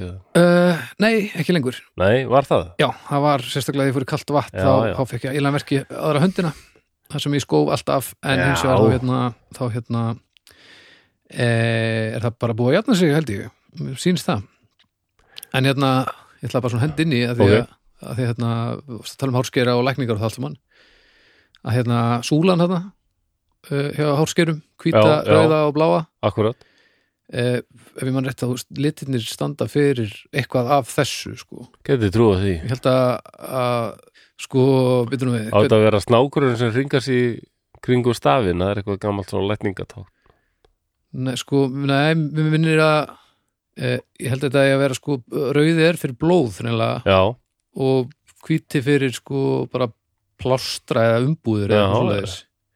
Já, ég vissi þetta ekki. Og ég man ekki hvað blái hvort að, hvort að Er eitthvað blár líka? já, það er blár líka, hvort að það eigi að vera veist, æðarnar að því að það hafi verið að Mm. skera á æðarnar og, og, og blóð, að tappa blóð af þér sko. Það var einmitt það sem Anna Darbúli var sérfæðingur í. Var hún, já, ok. Já, að skera á fólk og hleyp út blóði. Hleypa út blóði, já, ég held nefnilega Og að það blái er- geti Það staðið telja fyrir margir auðvitað fólk sá þetta kannski hún að skeri eitthvað fólk auðvitað menn að auðvitað fólk kvenkaði sér. Já, já, já, já, og kannski meir en það. Já, já, og sumir gáttu kannski alveg haldið komum kastal og heyrðu bara skelfingar, öskur og læti. Já, og hérna hvað er gerast og Elisabeth bara skiptur ekki því. Já, já, já. ja, því hún var margbetið þess að hún hafi verið sko, alveg hörð töffari sko. Ok, það er til bref sem hún skrifa að það var eitthvað liðið sem settist að á landinu hennar. Og hún var að segja þeim að drulla sér burtu og hún er ekkert að spara orðin sko, hún notar meir segja setninguna þú komast að því að þú mætir manni í mér. Ég mun svo að bregðast við Já, þessu já. maður. Sem því bara ef þú drullar ekki burtu þá munið drepa þig aumingið bara kvenskur ungur Já, og hún er alltaf orðin ekkja og, og Mm. samt rosa valda mikil hún Já, bara réði yfir var mörg þúsund manns eh, sem hún hafði umsjá yfir sko. Na, mest allt svona fátækt sveita fólk og svo hún er fullt af fólk í kastalum hjá sér. Mm. eða varð hún að verða alltaf Já. og, og lengi vel hann var eiginlega alltaf bara í burtu í stríði þannig að hún bara frá unga aldrei þurfti að sjáum þetta allt sjálf Já, þannig að hún er alltaf orðið daldið töff. Og, og á þessum tíma var ekkit óvelgengt að meina, aftur komið að því hvernig við nútíma fólki sko, ég meina og stald uh, maður var að stela bandspottar sem var kannski 10 cm þá voru það bara húðstryktur 10 sinnum Já, já. þetta er svo sturlaða refsingar sko. já, það er ég held að það er ekki sem þetta í dag sko. Nei, við erum núlega sem betur fyrr komin dálítið langt frá ég þess held að færi einhverjir á austuðöld sko þannig að það, en svo ég klári hérna, hérna barber súluna þarna. Mér minnir að raut sé blóð hvitt sé uh, umbúðunar og svo einhverja kenningar um það sérst að blái sé æðarnar áður nú skerð á hana. Já. Já, og súlan sé prikið sem að fólk kristi til þess að, að pumpa blóðinu sko. já, já, þetta er merkilegt. Ég er ekki 100% sem ég munundar rétt en ég held að þetta sé svona sirka. Þetta er alltaf, þinn viti mér þess að söguna. Hvað sér, já, mögulega. Já, ég, þarf, ég skal spyrja á eftir Þeir voru nefnilega læknar. Já, og ef þið eru hérna, uh, ef, ef þið hérna raklæknar þarna úti uh, þekkið þess að sögu betur á mig endilega senda okkur línu líka ef ég er að fara með rántmál Já. En það hafa varðist alveg skjöl þar sem hún, hún er mjög duglega að skrifa til konungsins og það er það lýsir alveg gáfaðri konu, mm, kemur vel fyrir sig í orði og hún hefur hún er virkilega stjórna já, og hún hefur áhyggjur af hún, hún har áhyggjur af eh, undir sátum sínum, eða svo maður segja. Til dæmis er varandi lögfræðileg málefni eða efnaðarslegt til dæmis. Já, hver bæjar harðæri ok. þá var hann að skrifa til kóngsins. Og ef hún hefði verið þessi trillti satisti og ekki hugsað um annað en dráp og, og ég ég vissum allavega að ekki- verið að standa í þessu sko. Þetta er alltaf ekki, ég svo sem veit ekki, en á þessum tíma var fólk að halda út til fronti til að komast upp með að halda áfram. Þetta er Ég- alltaf mjög svona raðmóningja það er náttúrulega all, allt mögulegt en, hérna, en það var mjög mikið um sko að fólk skrifaði til svona það er til fullt af brefum sem svona eh, land hérna já, landráða fólk fólk sem ræður yfir landi okay, landráða fólk. Já, svona landeigundur sko Já. er að skrifa til konungsins út af hinn og þessu sko Ok. hún var alveg duglega að taka þátt í því Um, þetta að, að vitnin hafi verið fundin með pyntingum, er það staðfest? Já, já, það er alveg vitað Ok, sko að það- það, það var bara algeng aðferð sko að Já. hóta fólki hérna Það er svolítið mikilvægt í þess þessu. að já, það kom í ljós til dæmis það er engin hérna þessum vitnum þau, þau höfðu öll heyrt eitthvað frá öðrum sko Ekkert. en hefðu kannski ekki séð mikið sjálf sko. Já, og sumir hefðu, já, voru að segja sko neittir til þess að und, voru pyntaðir bara til þess að segja já, já, ég, ég, ég sá þetta og sá þetta já. og það voru allavega fjórir eða fimm sem voru teknar að lífi af því að þeim að söka að hafa aðstóðað Elisabeth við þetta sko sem vildu, já ok já, og ég meina þegar að það fréttist að einhverju er búin að segja já þá er þetta náttúrulega fljótt að spyrðast út og leiðandi spurningar, þú veist, það er náttúrulega svolítið nútímalegt ég segi það ekki en bara eins og segi Tanek Penek það sem er ákveða að trúa bönnunum sem sögast hafa verið misnóttuð af, af kristilegu kirkjunni þarna og, og svo bara byrja boltin að rúla og í eru- allir krakkarnir eruðu fyrir ofbeldi og svo kemur í ljósa það voru bara leiðandi spurningar sem, sem hreinduðu sem bolt á stað og það gerðist á öllum líkindum ekkert. Þetta er til dæmis ný, ný kenning svona og hún hafi, ég ætla vel sjálf uh, hún hafi verið innocent, hvað er það í íslensku? saklaus. Saglös, þakkaði fyrir. Saklaus af En það er hérna, þessum sko, leikstjóri sem heitir hérna, Jakob Bisko, Slovaki hann gerði myndum hana fyrir nokkrum árum síðan. Okay. og hann, þar tekur hann, ég man ekki hvað hún heitir en þar, ég hef ekki séð hana hann tekur þennan daldi pól í heiðina Okay. og hún bara að logið upp hana sög, sko.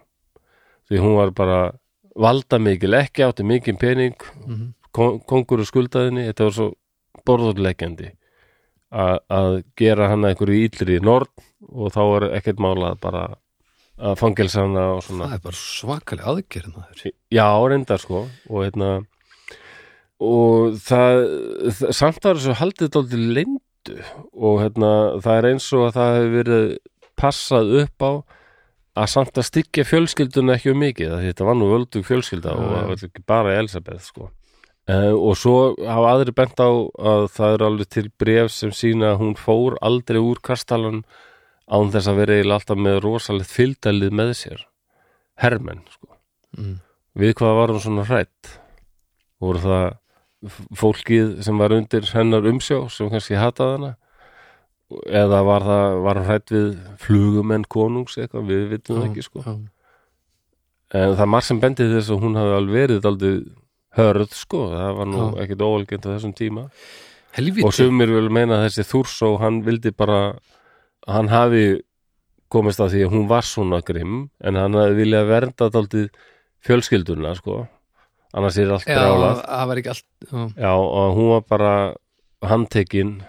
Hann neittist til til að handtaka hana út af því að það var bara það voru margir sem voru, það var of mikið færið að tala um þetta sko. Þannig erum við þá í uh, útgáfinu sem að eh, hefur verið uh, þessi venjulegu upprunnu útgáfinu hann hafi bara heyrt sögursagnir af því að hún var já, að pynta. hann hafi verið að vernda hana frekar sko, það er ön, önnur kenning sko. Sko, og hún var ekki þriðja tekin að kenningin í lífi heldur hún var bara sett í fangilsi sko. og var í Ó, svo pyrrandi að þetta gengur allt upp. Veist, allar þessar kenningar okkur var hann ekki tekin að lífi og hryllilega nátt ef hún var svona ógislega vond? Já ég veit, við vitum þetta ekki alveg en mér finnst ekkit ólíklegt að hún hafi verið þetta já, hún refsaði kannski fólki harkalega en það, menna, það voru margir sem gerðu það á þessum tíma. Já, já, já tíminn en var mér finnst þetta alveg sko. borðleikjandi að hérna, og það var margt sem bendið til þess að hérna, hún hefði verið með þessa lækna sko. og það fólk hefði bara haldið að þetta væri einhver svartagaldur. Já, og, og lýsingar lýsingar á því hvað fólk var gert að þetta, þetta var náttúrulega óbáslega sársökafullt mm, um, það var eh, ef komið drep já, í sár þá var það bara á, skera það bara alltaf já, já. Það getur nú ekki verið þægilegt sko. nei, ég held að svo það er lett nei, nei, nei, og, eitna, og reynsa fólk var komið með drep og kannski komið hérna, maðkar í sár og svona sko. já, já, þá var það bara skorið allt burt og, og svo bara brennandi heitt járn. Að loka. Já, það, það Sem- er aldrei ég get alveg ímyndað mér að fólk hafi öskrað fólk hefur öskrað, Já. en þetta er ekkit og, og, þetta er ekkit algalið með það sem að voru með í höndunum, skilur við Nei, nei, og, hérna, það, þetta með að það hafi verið tangir hérna sem voru brennandi heitar sem ég segja, þetta var bara læknar þessa tíma notuðu þetta og, og beita hnífa og hérna saltvatn sem heldi yfir þetta allt saman sko. mm. til dæmis er hérna, fólk fekk rosalegan hita þá var talið best að að reyna að koma þeim til að svitna eins mikið og mögulegt væri Ó, Það setja þau meiri heppilegt. það er ekki Já, hann er komið rosa hita og skulum setja hann í svona gufubað. Það er ótrúlegt að það að höggva lima af einhverjum er nær lægi heldur en að, að lækna hitta og það var mikið, þótti mikið sko hendaðir rosalega heitt bað. Æ, shit, og svo rífaði upp úr því og beinti í ísbað. Það er nú svolítið komin í skárra.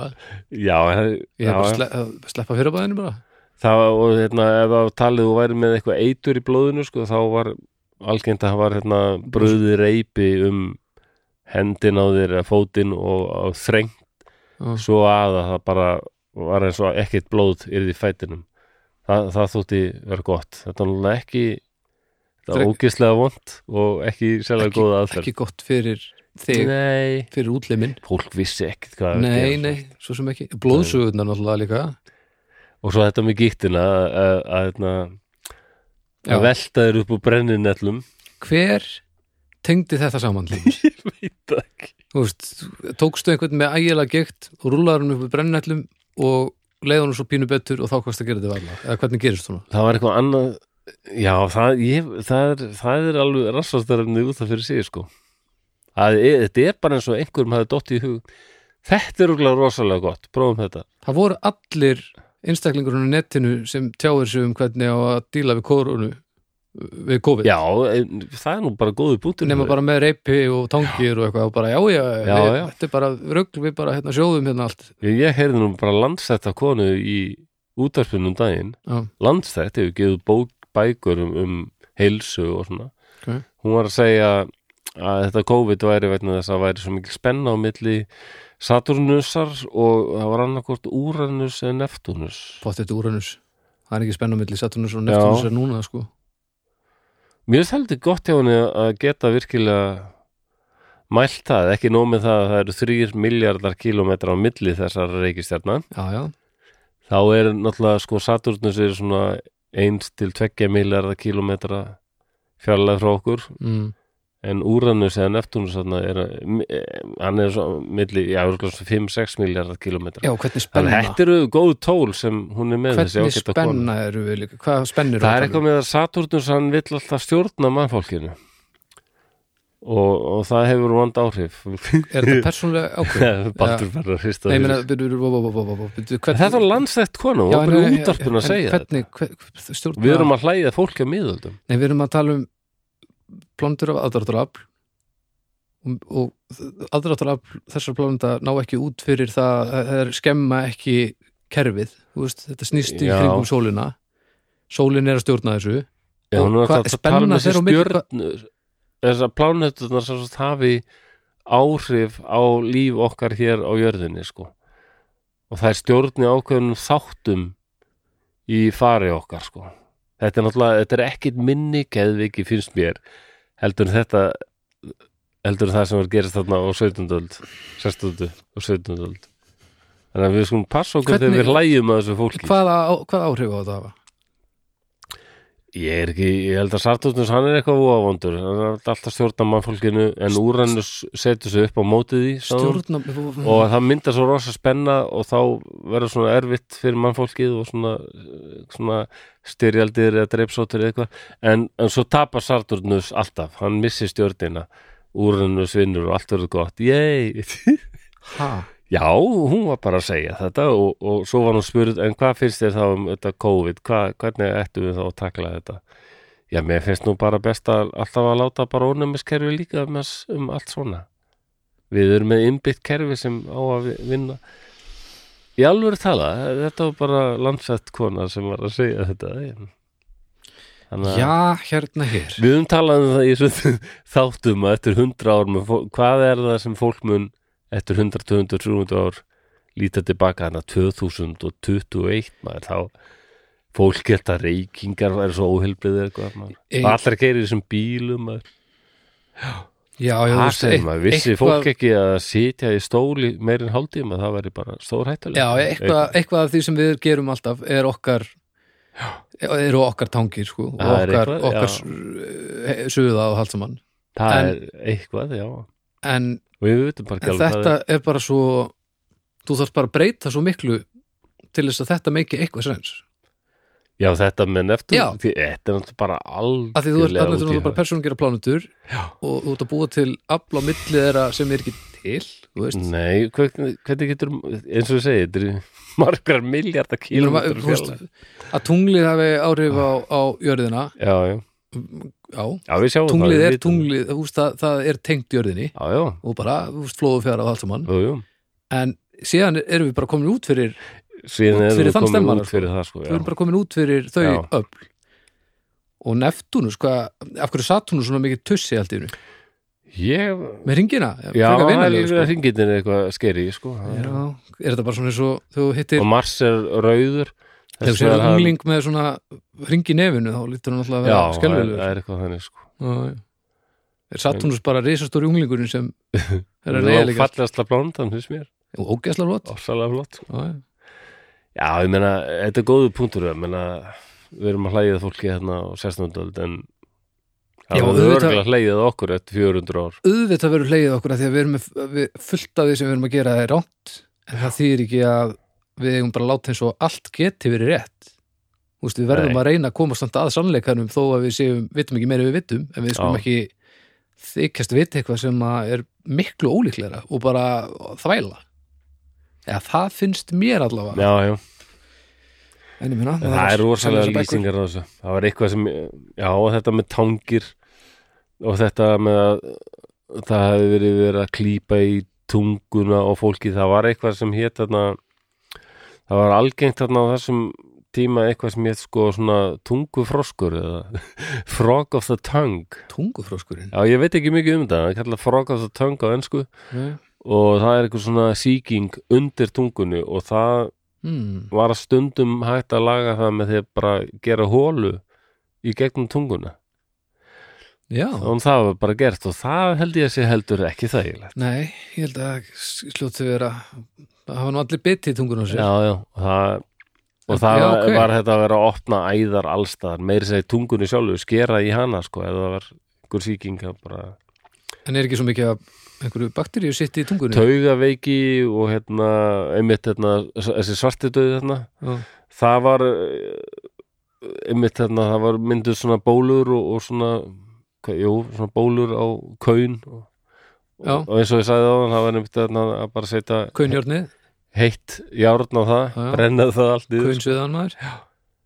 Og hérna, já það var, þetta er bara það var talið líka sko hérna, eitt enginn að svarta döða var að fólk var alveg ofsalega þreytt og slaft. Það satt, já. Og það var talið mjög hættulegt að leifa þessu fólki að sopna sko.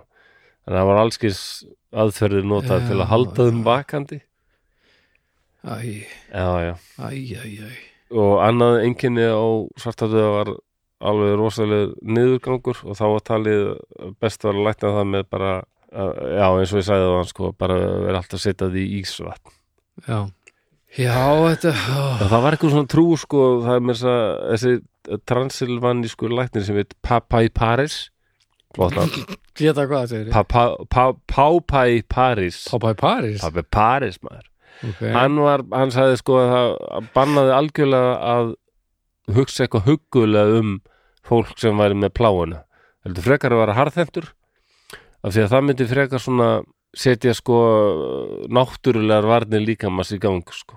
En við þetta kalt vatn og svona lemja fólk svo að halda því vakandi ég, minn nú á spítala ég held að já, maður fengi ekki að vera lengi í vinnunni ef maður veri bara hættu ekki svona slopp sko, þetta er náttúrulega rosalega saman, en það er einhverjum einhverjum tilfellum sem þarf að kickstarta líkamannum er það ekki, sant? Jú, Þú veist, en, en þetta er bara svo rosa- hjart, hjart, Já. þegar maður er að lemja bara hjarta til að já. en að gera alltaf bara hann með gláku, lemjum hann í augun. Bara, þú veist, þetta er bara þetta er pínu hættulegt að nálgast allt á þessum fórsendum sko. En, en ég vissi þetta ekki einmitt að þeir voru að, að mögulega er einmitt að allar svo sögur um þessar hryllilegu pyntingar. Þetta er bara eitt stór miskilningur þetta var Já, fólk sem var að, allt fólk sem var að þetta var bara fullt af fólki sem hún var með og mikið áhuga á þessu að reyna að lækna og hjálpa fólki og fekk til sín fólk hérna sem var að stinga í fólk og henda því í kalt bað og og, og, og, og hérna berja það og hérna og, og svíða það með hérna, brennandi heitu járnum og, töngum og svona og, náttúrulega fólk bara hafa náttúrulega ösk, öskur og læti allan liðlanga daginn úr kastalanum og fólk bara fór að hugsa að guðmi góður og svo náttúrulega dó fullt af þessu fólki og bara grafið þarna. Það var alltaf verið að bera eitthvað pældu eins og á spítala, það er meira um lík þar heldur en kannski já, já, á svona eðlu að- pældu ég að kæmi ljós að alla pyntingar væri raunin bara mislukkar lækna Lækna- meðferði Ég, ég er eiginlega að segja það. Það, það er ekkert- sumir haldaði fram að þetta þetta sé það. Þessar Herru, hann er með slæman hósta hérna. Já, stjaksetjum hann. Já, það, það hún, hún gerir það til dæmis ekki. Það er engar, engar hérna Nei, engar, engin, engin skjöl um það. Það er það enginn komið með slæman en við vitum að Vlad gamli hérna sem Já, ég já, nú örgulega þáttum líka. Hann gerir það, enda var hann, hann var hann- hermaður og hann Hann bara, var aðeins að keira á, já, á öðrum.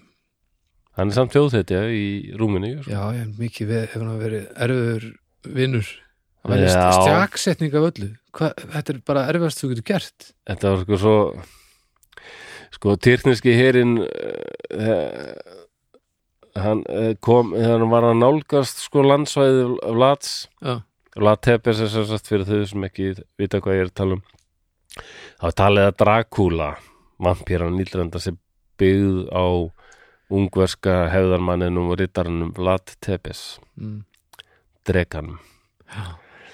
Eh, Vlad Dracul kallaður. Mm dregin eh, sem hérna, já, var mikið í því að stjagsæta sem svona oddkvass trépinni er stungið upp í rassin á manni og oft Og út um einhvers staðar þröngvað í á gegnu þig. hálsinum þröngvað í gegnu þig að finna leiðina og það er bara happa glappa Já, en góður stjagsætari hann getur alveg orðið tóldi góður því að- þræða fram hjá helstu líffænum svo að þú svo getur kannski Já, þú getur alveg verið þrjá, fjóra daga að engjast á nákvæmlega. stjakinu góður stjaksetjari Sagan segir að lat hafi alveg látið stjaksetja hundruður Já. manna og tyrkneski herin hafi einu sinni komið sko í bara heilan skóg af stjaksettu fólki og þá hafði þeir sagt bara hermyndi, nei, nei, nei, nei bara sorry, sultan en ég, við nennum þess ekki.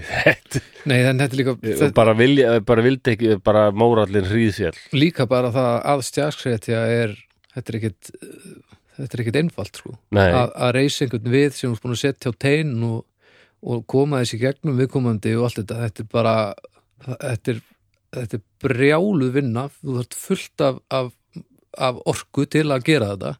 Þannig er, þetta er af sumuleg til alveg galið að gera þetta. Og fyrir utan alltaf hvað þetta er bara hrottafengið og ógeðslegt.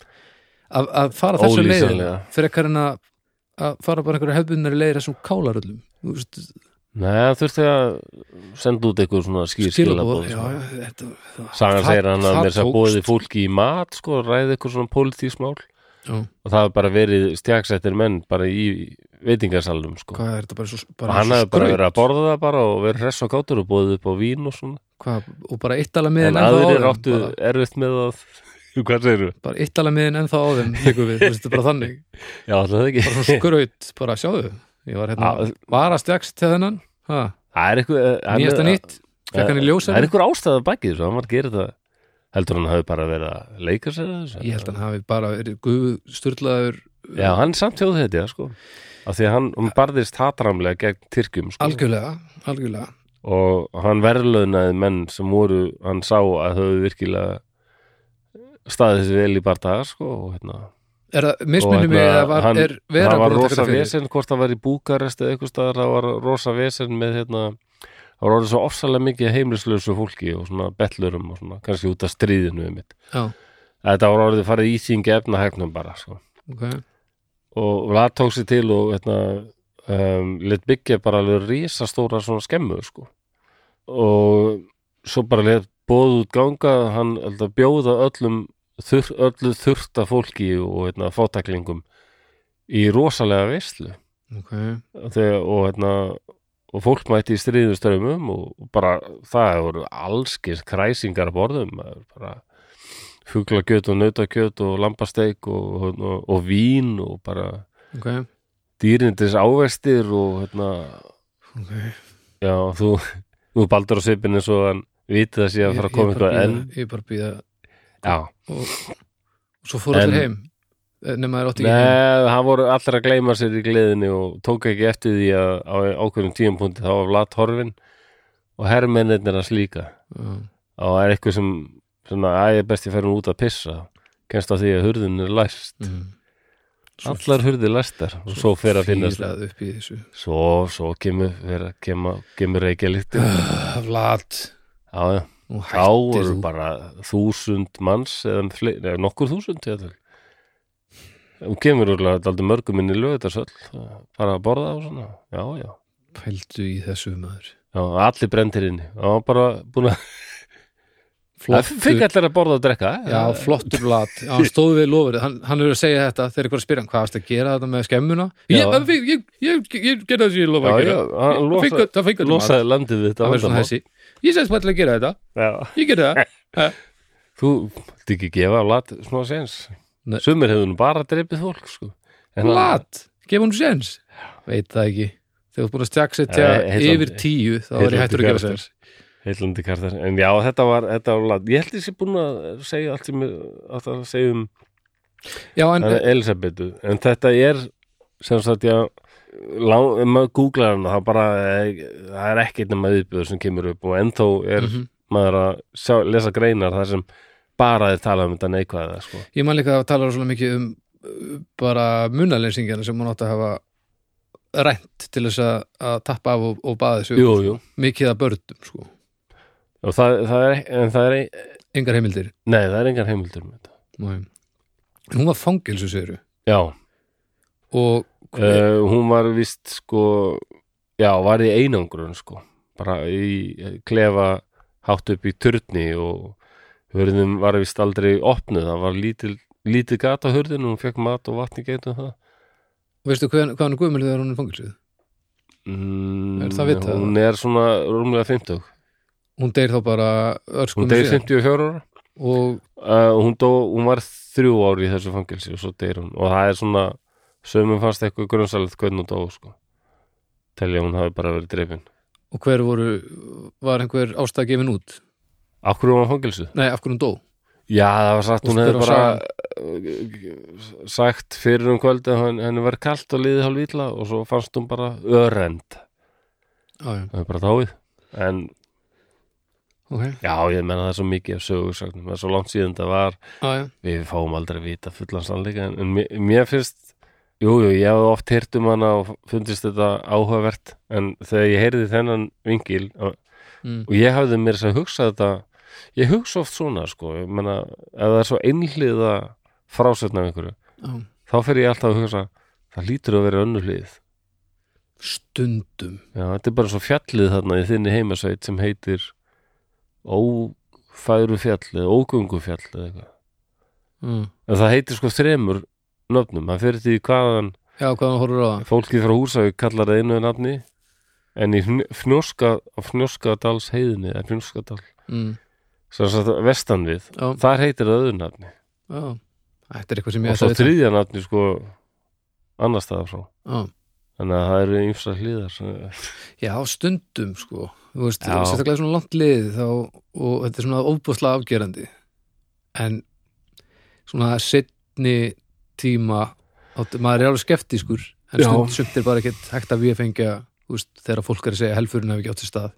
Við enga þólum að vera svoleiðis vitlisu en svo kemur hérna núna hérna Son of Sam heimildamyndin á Netflix núna já, sem við erum að tala um að að hann hafi mögulega ekki verið morðingin, allavega ekki einn og allt þetta Nei, sko. nei.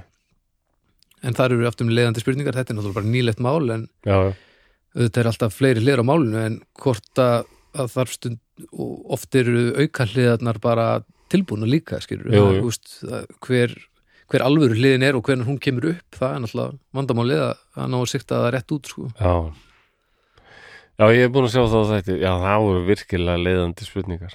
Já, hann var á missunni, sámaður já, það, en þetta er við skulum kannski hættulegt. ta ekki tala mikið um það ef fólk á eftir að Nei, nei. horfa. Þetta er alveg, alveg áhugavert dótt svona já, að sumuleiti sko. Já, það er önnur heimildamynd, ég held að hún hafi nú verið á præm um mann sem var sannfærður um að pappans sem hann hafði aldrei þekkt sko. Já. og vissi ekki það var fyrir hann var orðin fullorðin sko. Já. Hann var sannfærður um að pappi sinn hefði verið Zodiac morðingin já, hann og, náttúrulega náðist aldrei.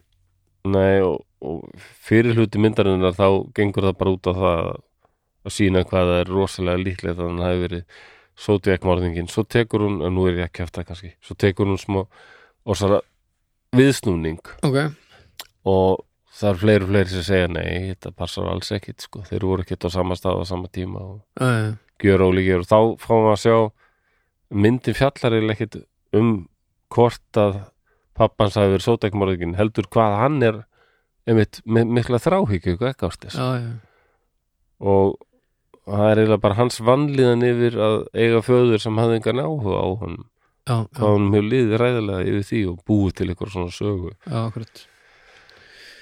já, og hann eiginlega viðkennaði í lokin, það er alltaf merkileg mynd sko. Já, það er alltaf merkilegt þegar fólk áttar sig jafnvel áratugum síðar að Já. það er búið að vera veltast um í þráhyggju og, og hvað er íslensk orðið yfir tunnel vision svo já, svona ein, ein, ein, ein, einstefnu eða já, svona eða svona já, þröngsýni. Þröngsýni er Já. í rauninni svona já, beina meiningin af já, mitt, myndi passa sko. En það er þetta að sjá ekki heldarmyndina af að- rörsýn, rörsýni, það getur verið. Ekki, tönnur allavega að sjá ekki heldarmyndina af því að þú ert svo litar af því sem þú vilt Já. að hafi gerst. Akkurat. Og fólk áttar sér stundum já, þegar við liðin, liðin ár, áratugir og þá bara fattar að það er búið að vera að loka á rosalega stóran part af upplýsingum já, af því að vill ekki heyra það sko. þannig ég ætla nú ekki að já, ég má nú ákveða bara þarna, ég held hún hafi verið saklaus en Nei, það ég held upp það nú samt. eiginlega samt. Nú, það er bara eitthvað svona hönd sem ég hef. Þetta gerist rætt. Já, ég má náttúrulega ekkit ég veit það ekki alveg fyrir víst en, en mér finnst það bara alls ekki dólíklegt að, að þetta sé allt tilbúningur Þú myndir ekki það er svo, mér er svo margt, margt þarna það er svo ágætt rök sem, sem hafa verið færið fyrir því að þetta geti allt verið tilbúningur, logið upp á hana og þetta var bara fólk sem var að reyna lækna en ekki pynta. En myndirðu færa þessi rauk fram í í akademísku sakfræðilegu umhverfi? Já, það máttu alveg koma með kenningu sko. Já, en þú myndir ekki, ekki verja doktorsritgerinn en að ummiðla nema það, þá sem rannsók það, jú, það maður mætti alveg gera það sko en þá Ok. þurfti maður að hafa mjög góð rök og Já, já, já. benda á sko hérna, Það verður sennilega gálegar að nálgast þetta sem rannsókn á fleiri hliðum frekar en já, já, einhvern er mögulegan gall harðan uh, bara stað, sett. Það er vandan með sakfræðina sko að eh, það kemur alltaf því að sakfræðingar þurfa að dálítið að vera að geta í einhverju eyður sko. Alltaf bara. Já, já, og ég meina það er alltaf deilt um það hversu langt maður gangi því en þá reyna góði sakfræðingar einmitt að lesa í hina hlutana. Já, já, og hérna hvað er átt að sjá hvernig var þessi karakter það er mjög fræg bók eftir konu sem er sakfræðingur á, ég er búin að stengla með hvað hún heitir. Hún er mjög fræg, þekktur sakfræðingur samt. En bókstinn heitir A Trickster Travels já. sem fjallar um googlum það bara. Hvað er nú? ég ætla bara að sjá hvað hann heitir. Að Trickster Ah, Travel já, okkur kemur nafnið Simon upp í mér. A Trickster Trickster Travels. Simon Davis verið. Emily Simon Davis Margaret Simon Davis. Natalie Simon Davis. Já, Djöfull er ég klár? Er Næstu því. Næ, næstu því Davis, djúflar það er vel gert stand A Trickster, já hún er mjög tækt og hún Trickster Hún gerir- Já, hún hefur bara svona, þetta er, held ég á 16. um múslíma sem er tekin höndum Já. og settur í fangilsi á Ítalíu en svo tekur hann trú, Já. gerist kristinn og endanum er hann bara vinur páfans og rosa frægur eitthvað sko. En það er alveg svona gap hérna það sem maður veit ekki alveg hvað er að gerast en hún reynir að fylla upp í að- miða við það sem að hún hefur. og það er bara svo vel gert. Já, já, já, bara það er til dæmis hún, hún telur að hann hafi ekkert kastað islam sko, hann hafi bara Gert það- múslima með nefnilega ljúga sko.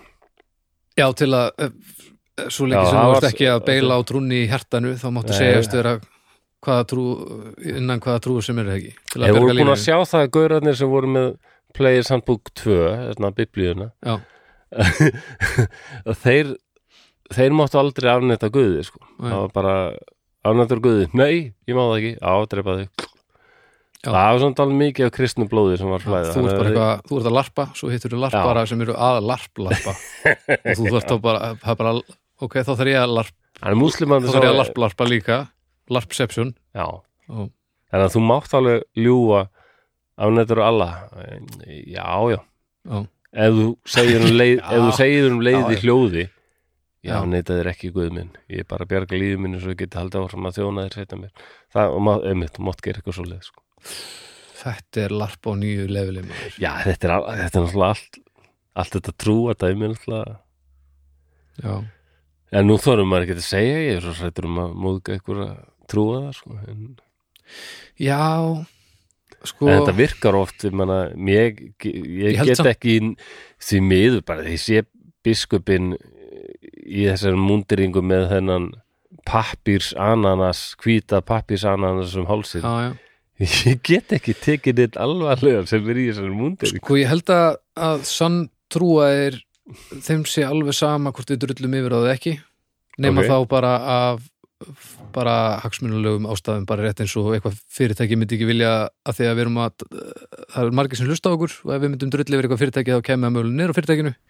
Já, e, þá myndi já einmitt. trúabröð myndi ekki vilja að við erum að drull yfir bara af því að þau hafa hagsmunu að geta þetta er svo Róvan Atkinson þetta stand-upið hans þar sem byrjar á því að vera djöfullin og bjóða fólk velkomið. Já, svo með nafnakall og kallar já, atheist, hver er atheist hérna, já.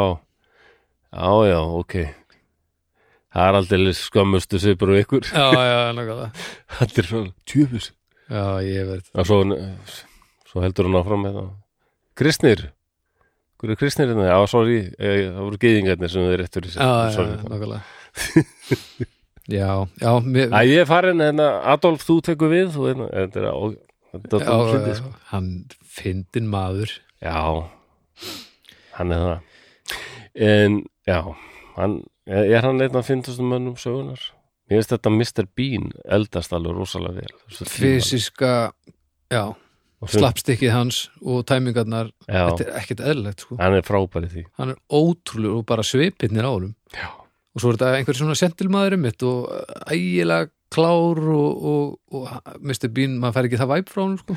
Nei, hann segir samt að Atkinson hefur sagt að Mr. Bean að þetta byggður á honum þegar hann var barn hann prófa ýmislegt og já, já, já, já, er alltaf stórt barn bara já, já, með bánsann og allt maður Heru, þetta var nú aldeilis ljómandi skemmtilegt Er það? já, þetta var nú gott Já, það verður að vera mjög Já, já smávóði En ég get að tekið Ted Bundy, Ted Bundy og það er bara eitthvað. Já, það sem ég við það náttúrulega er bara hvað hann Já, var óforskammaður í Já, já. legum og góður í því sko mér finnst það alveg heillandi en, en Mér finnst þetta þetta gaman sko aðeins dýpri pælingar að bara hvað var Ég held sko. stundum svo læðist líka að mér út af því að hún var kona þá hafi hún verið demoniseruð já, ennþá meir veginn þetta er svo já. hryllilegt eitthvað að halda í fegur sína og svo munum við aldrei komast að því sanna. Það er það sem er Nei, líka svo er, það er skemmtilegt. voðalegt sko. það nema að Saturnum segja okkur náttúrulega. Það, er aldrei þetta Jú, svo, mikkar aðeins spennan. Já, ég var maður sá ykkur á vefsíðu þar sem að þetta var að slá inn ammælistæðin sinn Já. og fá svona stjörnusbá Já. og ég sló inn ammælistæðin minn og, ár og ég fekk eitthvað hérna You were kind and caring and, and loving child of nature og bla bla bla one with the universe eitthvað svona fróða já, Já, ok, aðeinslegt Svo sló ég næstin hérna fæðingar ár og dag eh, einmitt, Ted Bundy. Já, þá kom ég alveg að sama. Very kind and giving and caring and uh, you Nákvæmlega. think more about other people than yourself. Fólk sem deilir ammælistegi með Hitler. Er það bara en veitu, í hvaða stjörnum er gert þetta fyrir? ég var spyrir Vassberi, ok. Eh, við förum bara í stjörnum på dagsins. Nú, eh, Vassberi, það er komið nóg að þessu gaggrina fólki. Sanni, sannur vinir bendir þér á hversu einstakar þú ert í raun. Látið þér ekki bregða þótt mikla kröfur séu til þín gerðar. Þetta á við, já, já, að, fyrir minni í ljónið. Sjáum hvort þetta sé ekki já negla þú ert ljón. Ég er ljón maður Láttu ekki fordóma hafa áhrif á hvernig þú metur tilbúð sem þér berast. Ú, reknaðu tekjur þínar og útgjöld svo þú fáir heildarmynd af stöðinni. Já, gerðu það, mér líst vel það. Þetta er bara, og þetta er sniðið af mér já, þess vegna vinnum við svona vel saman alltaf því ég er loftmerki Já, og þú ert eldmerki og náttúrulega eh, loftið nærir eldin sko, hérna, algjörlega og eh, Og eldurinn Veldurinn veldur hýta loftið svo loftið leitar herra upp og það eiga mjög, mjög vel Flossi saman. og ég, já, ég er, ég er að lifta þér upp úr, Já, úr, já. þingslunum Já, já, það er, það er, Þú gefur mér, það er þú gefur mér það sem ég þarf til þess Já, að já. kveikja eldin og þá, svo lifti ég þér upp Já, úr já. þingslunum Í hvað merkið vera, konan þín? Hún er uh, uh, spordryggi Nei, hún er vóg Já, Já, hvað veistu, já, vógin er loftmerki. Já, þú meinar það.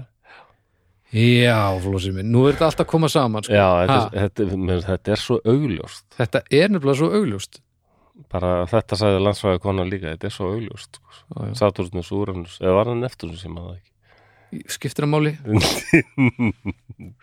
Herri, þetta var ógæslega Já, ok, takk fyrir mig. Já, takk kærlega fyrir okkur og takk fyrir okkur Bríó farið að tekka á Bríó de Janeiro sem ætti að vera komin í verslani núna vonandi, gríðalega vel lukkaður svona uh, á, hvað sagður, ávakstarík útgá, Bríó útgáfa Já. fyrir sumarið Það er, já, meiri svona áhersla kemur. Já, þetta er góður, sko. þetta er stemmar góður.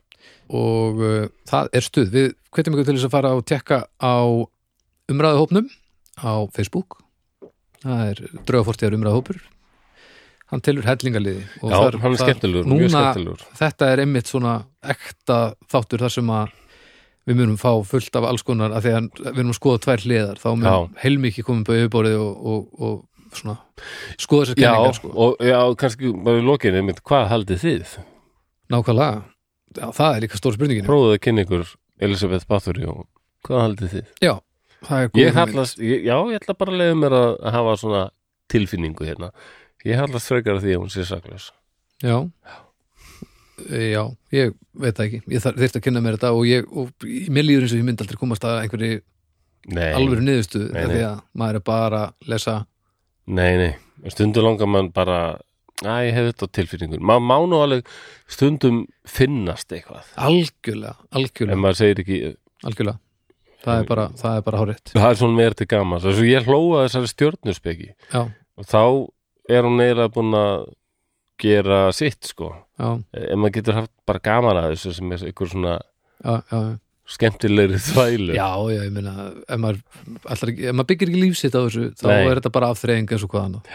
en það er svo margir sem einmitt bara eins og segir, landstækt kona bara að segja Já, bara reglulega í blöðum og fjölmiðlum að tala um spennu á milli Saturnusar og Úranusar sem já, valdi því að það sé vesinn á jörðinni Já, ef hún er ekkert að grínast, það er það sem ég segist oft. Já, það er mér ef þetta er ógeðslega langur brandari þá er þetta alltaf besta sem eru gert en ef þetta er að fullri alvöru þá uh, Já. já. Herru, svo viljum við líka þakka uh, alltaf Patreon drauga hjörðinni Ó já, fyrir hjálpina. Æðislegt fólk. Já, heldur betur. Það er algjör snild hvað eru margir búin að að skrá sig inn á Patreon og, og, og þetta er bara, bara farið að hjálpa Já, í alvörinni þetta munar rosalega. Það munar rosalega að, að geta eitt tíma og, og bara einmitt eitt tíma og ég kaupa bara hluti til að gera þættina betri. Þú veist, bara já. bæta ég kaupa ný, nýja effekta og ný hljóðfæri og Já. eitthvað til þess að, að gera þættina ennþá betri sko. þannig að það er snill. spæst í eitthvað svona sinfóníu fiðlu forrit sem, Já, ég, get náttúrulega og bara, þú veist djembe, það voru þrjúðust djembe trommur í einhverju þætti eða eitthvað, já, ég var að kofa svona eitthvað per, svona, við mitt já, ok fór bara í svona percussion pakka núna, þú veist, ég er Já, svona tína inn svona litla hluti til þess að líka Gaman bara, mér finnst þetta skemmtilegt áfram og svona, þannig að það er gaman. En við erum með nokkra nýja djákna. Nú, já, og e, ertu búin að íta á aftur og bak takkan á þér, kapur að fá. Það Já, er mjög gott. Sigurður Snæbjörn, Röðrugis en Röbæs já, takk fyrir okkur Takk. Pétur Sverrisson, Rutjef Nosirevs vel gert. Ekki? takk fyrir, Vá. Þröstur Brekkan Rutsörð Nakkerp. Nakkarp, mjög gott. Björg Harðardóttir. Vá, fjórir. Graup, Ritt og Draðra Jöp, vel gert. Uh, Ársæll Sigurlaugar. Læsrá Ragúal Rugis mm Vá! Ársæll Sigurlaugar Níelsson. Takk fyrir okkur. Já. Baldur Þór. Rullabróð Djúðast að klaga. Uh, Takk fyrir okkur Kristinn Pálsson. Hvað er svona margir í þessu aldrei? Nitsirk, Nostláp mm Hjörvar Jóhannesson. Rafrau Nosen Hói Mjög gott. Uh, uh, uh, Rósa Sigurbjörnsdóttir. Asór Ritt og Raup. Ha, Sigur Björs Sigurbjörns Og Raup Gís, nei. Já, Vá, vel gert. Og að lokum Gísli Sig. Og hefði ekki komið áður? Nei, þú ert auðvitað sem Gísla Ilsík Gís Ilsíkis Í- í- Ilsi Gís Jú, en jú, jú, að koma Gís- Gísli Sigmunds. Þetta er svona nafn á Álfa höfðingja og eða eitthvað. Já, Ilsi Gís Ilsíkis Já. Takk hérlega fyrir okkur og allir sem eru á Já, Patreon þetta er, var- þetta voru sex manns eða eitthvað? Já, meira held ég. Þetta er bara dásanlegt Það er æðislega æðislegt að sjá viðbröðið þessu. Heldur, heldur, heldur betur. Þá er ég heldur góð bara. Já, En þú? Já, ég er góður. Eh, Ég glemdi kannski að segja að ég sæði frá því hvað ég fekk mikið opbóðslegt kvíðakast þegar ég varð já, vitnaði þessu góðu Patreon viðtö, viðtökum og líka Karolína fönd Á plötunni? Safnunum minni fyrir plötunum mína. Já, já, Þá- fekk ég rosa kvíðakast en ég var hjá þerapistunum mínum gær og hún sagði mér þetta er ekki kvíði. Nú? Nei, þetta var af því að skynnsemin ræður yfirleitt við kvíðan sko. Já, ok. Slæra hann niður. Ok. en þarna hún átti ekki séns í þetta afl. Þetta var eitthvað svona primal fornt afl sem ekkert var hægt að ræða við. Það er hægt að ræða við kvíðan bara hvað, hvað er þú að gera hér? Já, ég er bara, þú, bara verið heima, ekki fyrir sund. Já, já, já. en þetta var bara primal force eitthvað svona. Bara fokk, fokk, fokk, fokk, fokk, já, og hún sagði þetta var ótti. Þetta var ótti? Þetta var óttin sko. Herðu, er, þá get ég glattið með því að söfninu stendur í 198% þetta er náttúrulega Þetta er alveg að hafast. Ég hlýta að vera búin að slá eitthvað með Þetta er allavega mjög gott. Þú ert rétt að detti í 200% og þegar að við erum að taka upp þá er ekki nema þrjáru vikur eftir. Ég, ég Guð mig, Þetta góður er dásalegt, ég ætla ekki að, að, að rífa upp óttan Nei, ég, ég Er þú búin að settast við þetta er ekki? Já, já. Það Og- tekur lengri tíma að ræða við óttan eða já. svona settlan hann svona fjarar daldið út sko. Og, þegar hann hann er allavega búin að að fatta það að ég er ekki döður enn, það er ekki ljón búið að geta mig, þetta er svona fight og flight heilin sem hefur bara fóru í.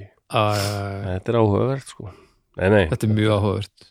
Og Þetta- þetta mikið verður gaman þegar þú kemst full force á staðin þar sem áttur á því hvað þetta er stórkuslegt Já, takk. Og ég er búin að heyra þessa blötu líka. Ég held þetta sé er- alveg frambærilegt sko. Þetta er, hún er gríðalega skemmtileg. Ég nenni ekki að skammast mér fyrir þetta. Ég, ég Skammast gaman að þessu sjálfur. það er, það er alls konar sem þú, sem þú ættir að skammast þín fyrir þetta er ekki þetta Ok, takk. Þannig að farið og kíkja á, á Karolínu Fönd og, og söfnununa á, á sóluplötunars flósa ef við hefum ekki gert það nú þegar. Þar meðal ég, ég er að kaupa mitt eintak já, þá held ég sem bara helviti góður, Já, er ekki? Við heyrjum bara aftur eftir viku. Bye. Takk og bless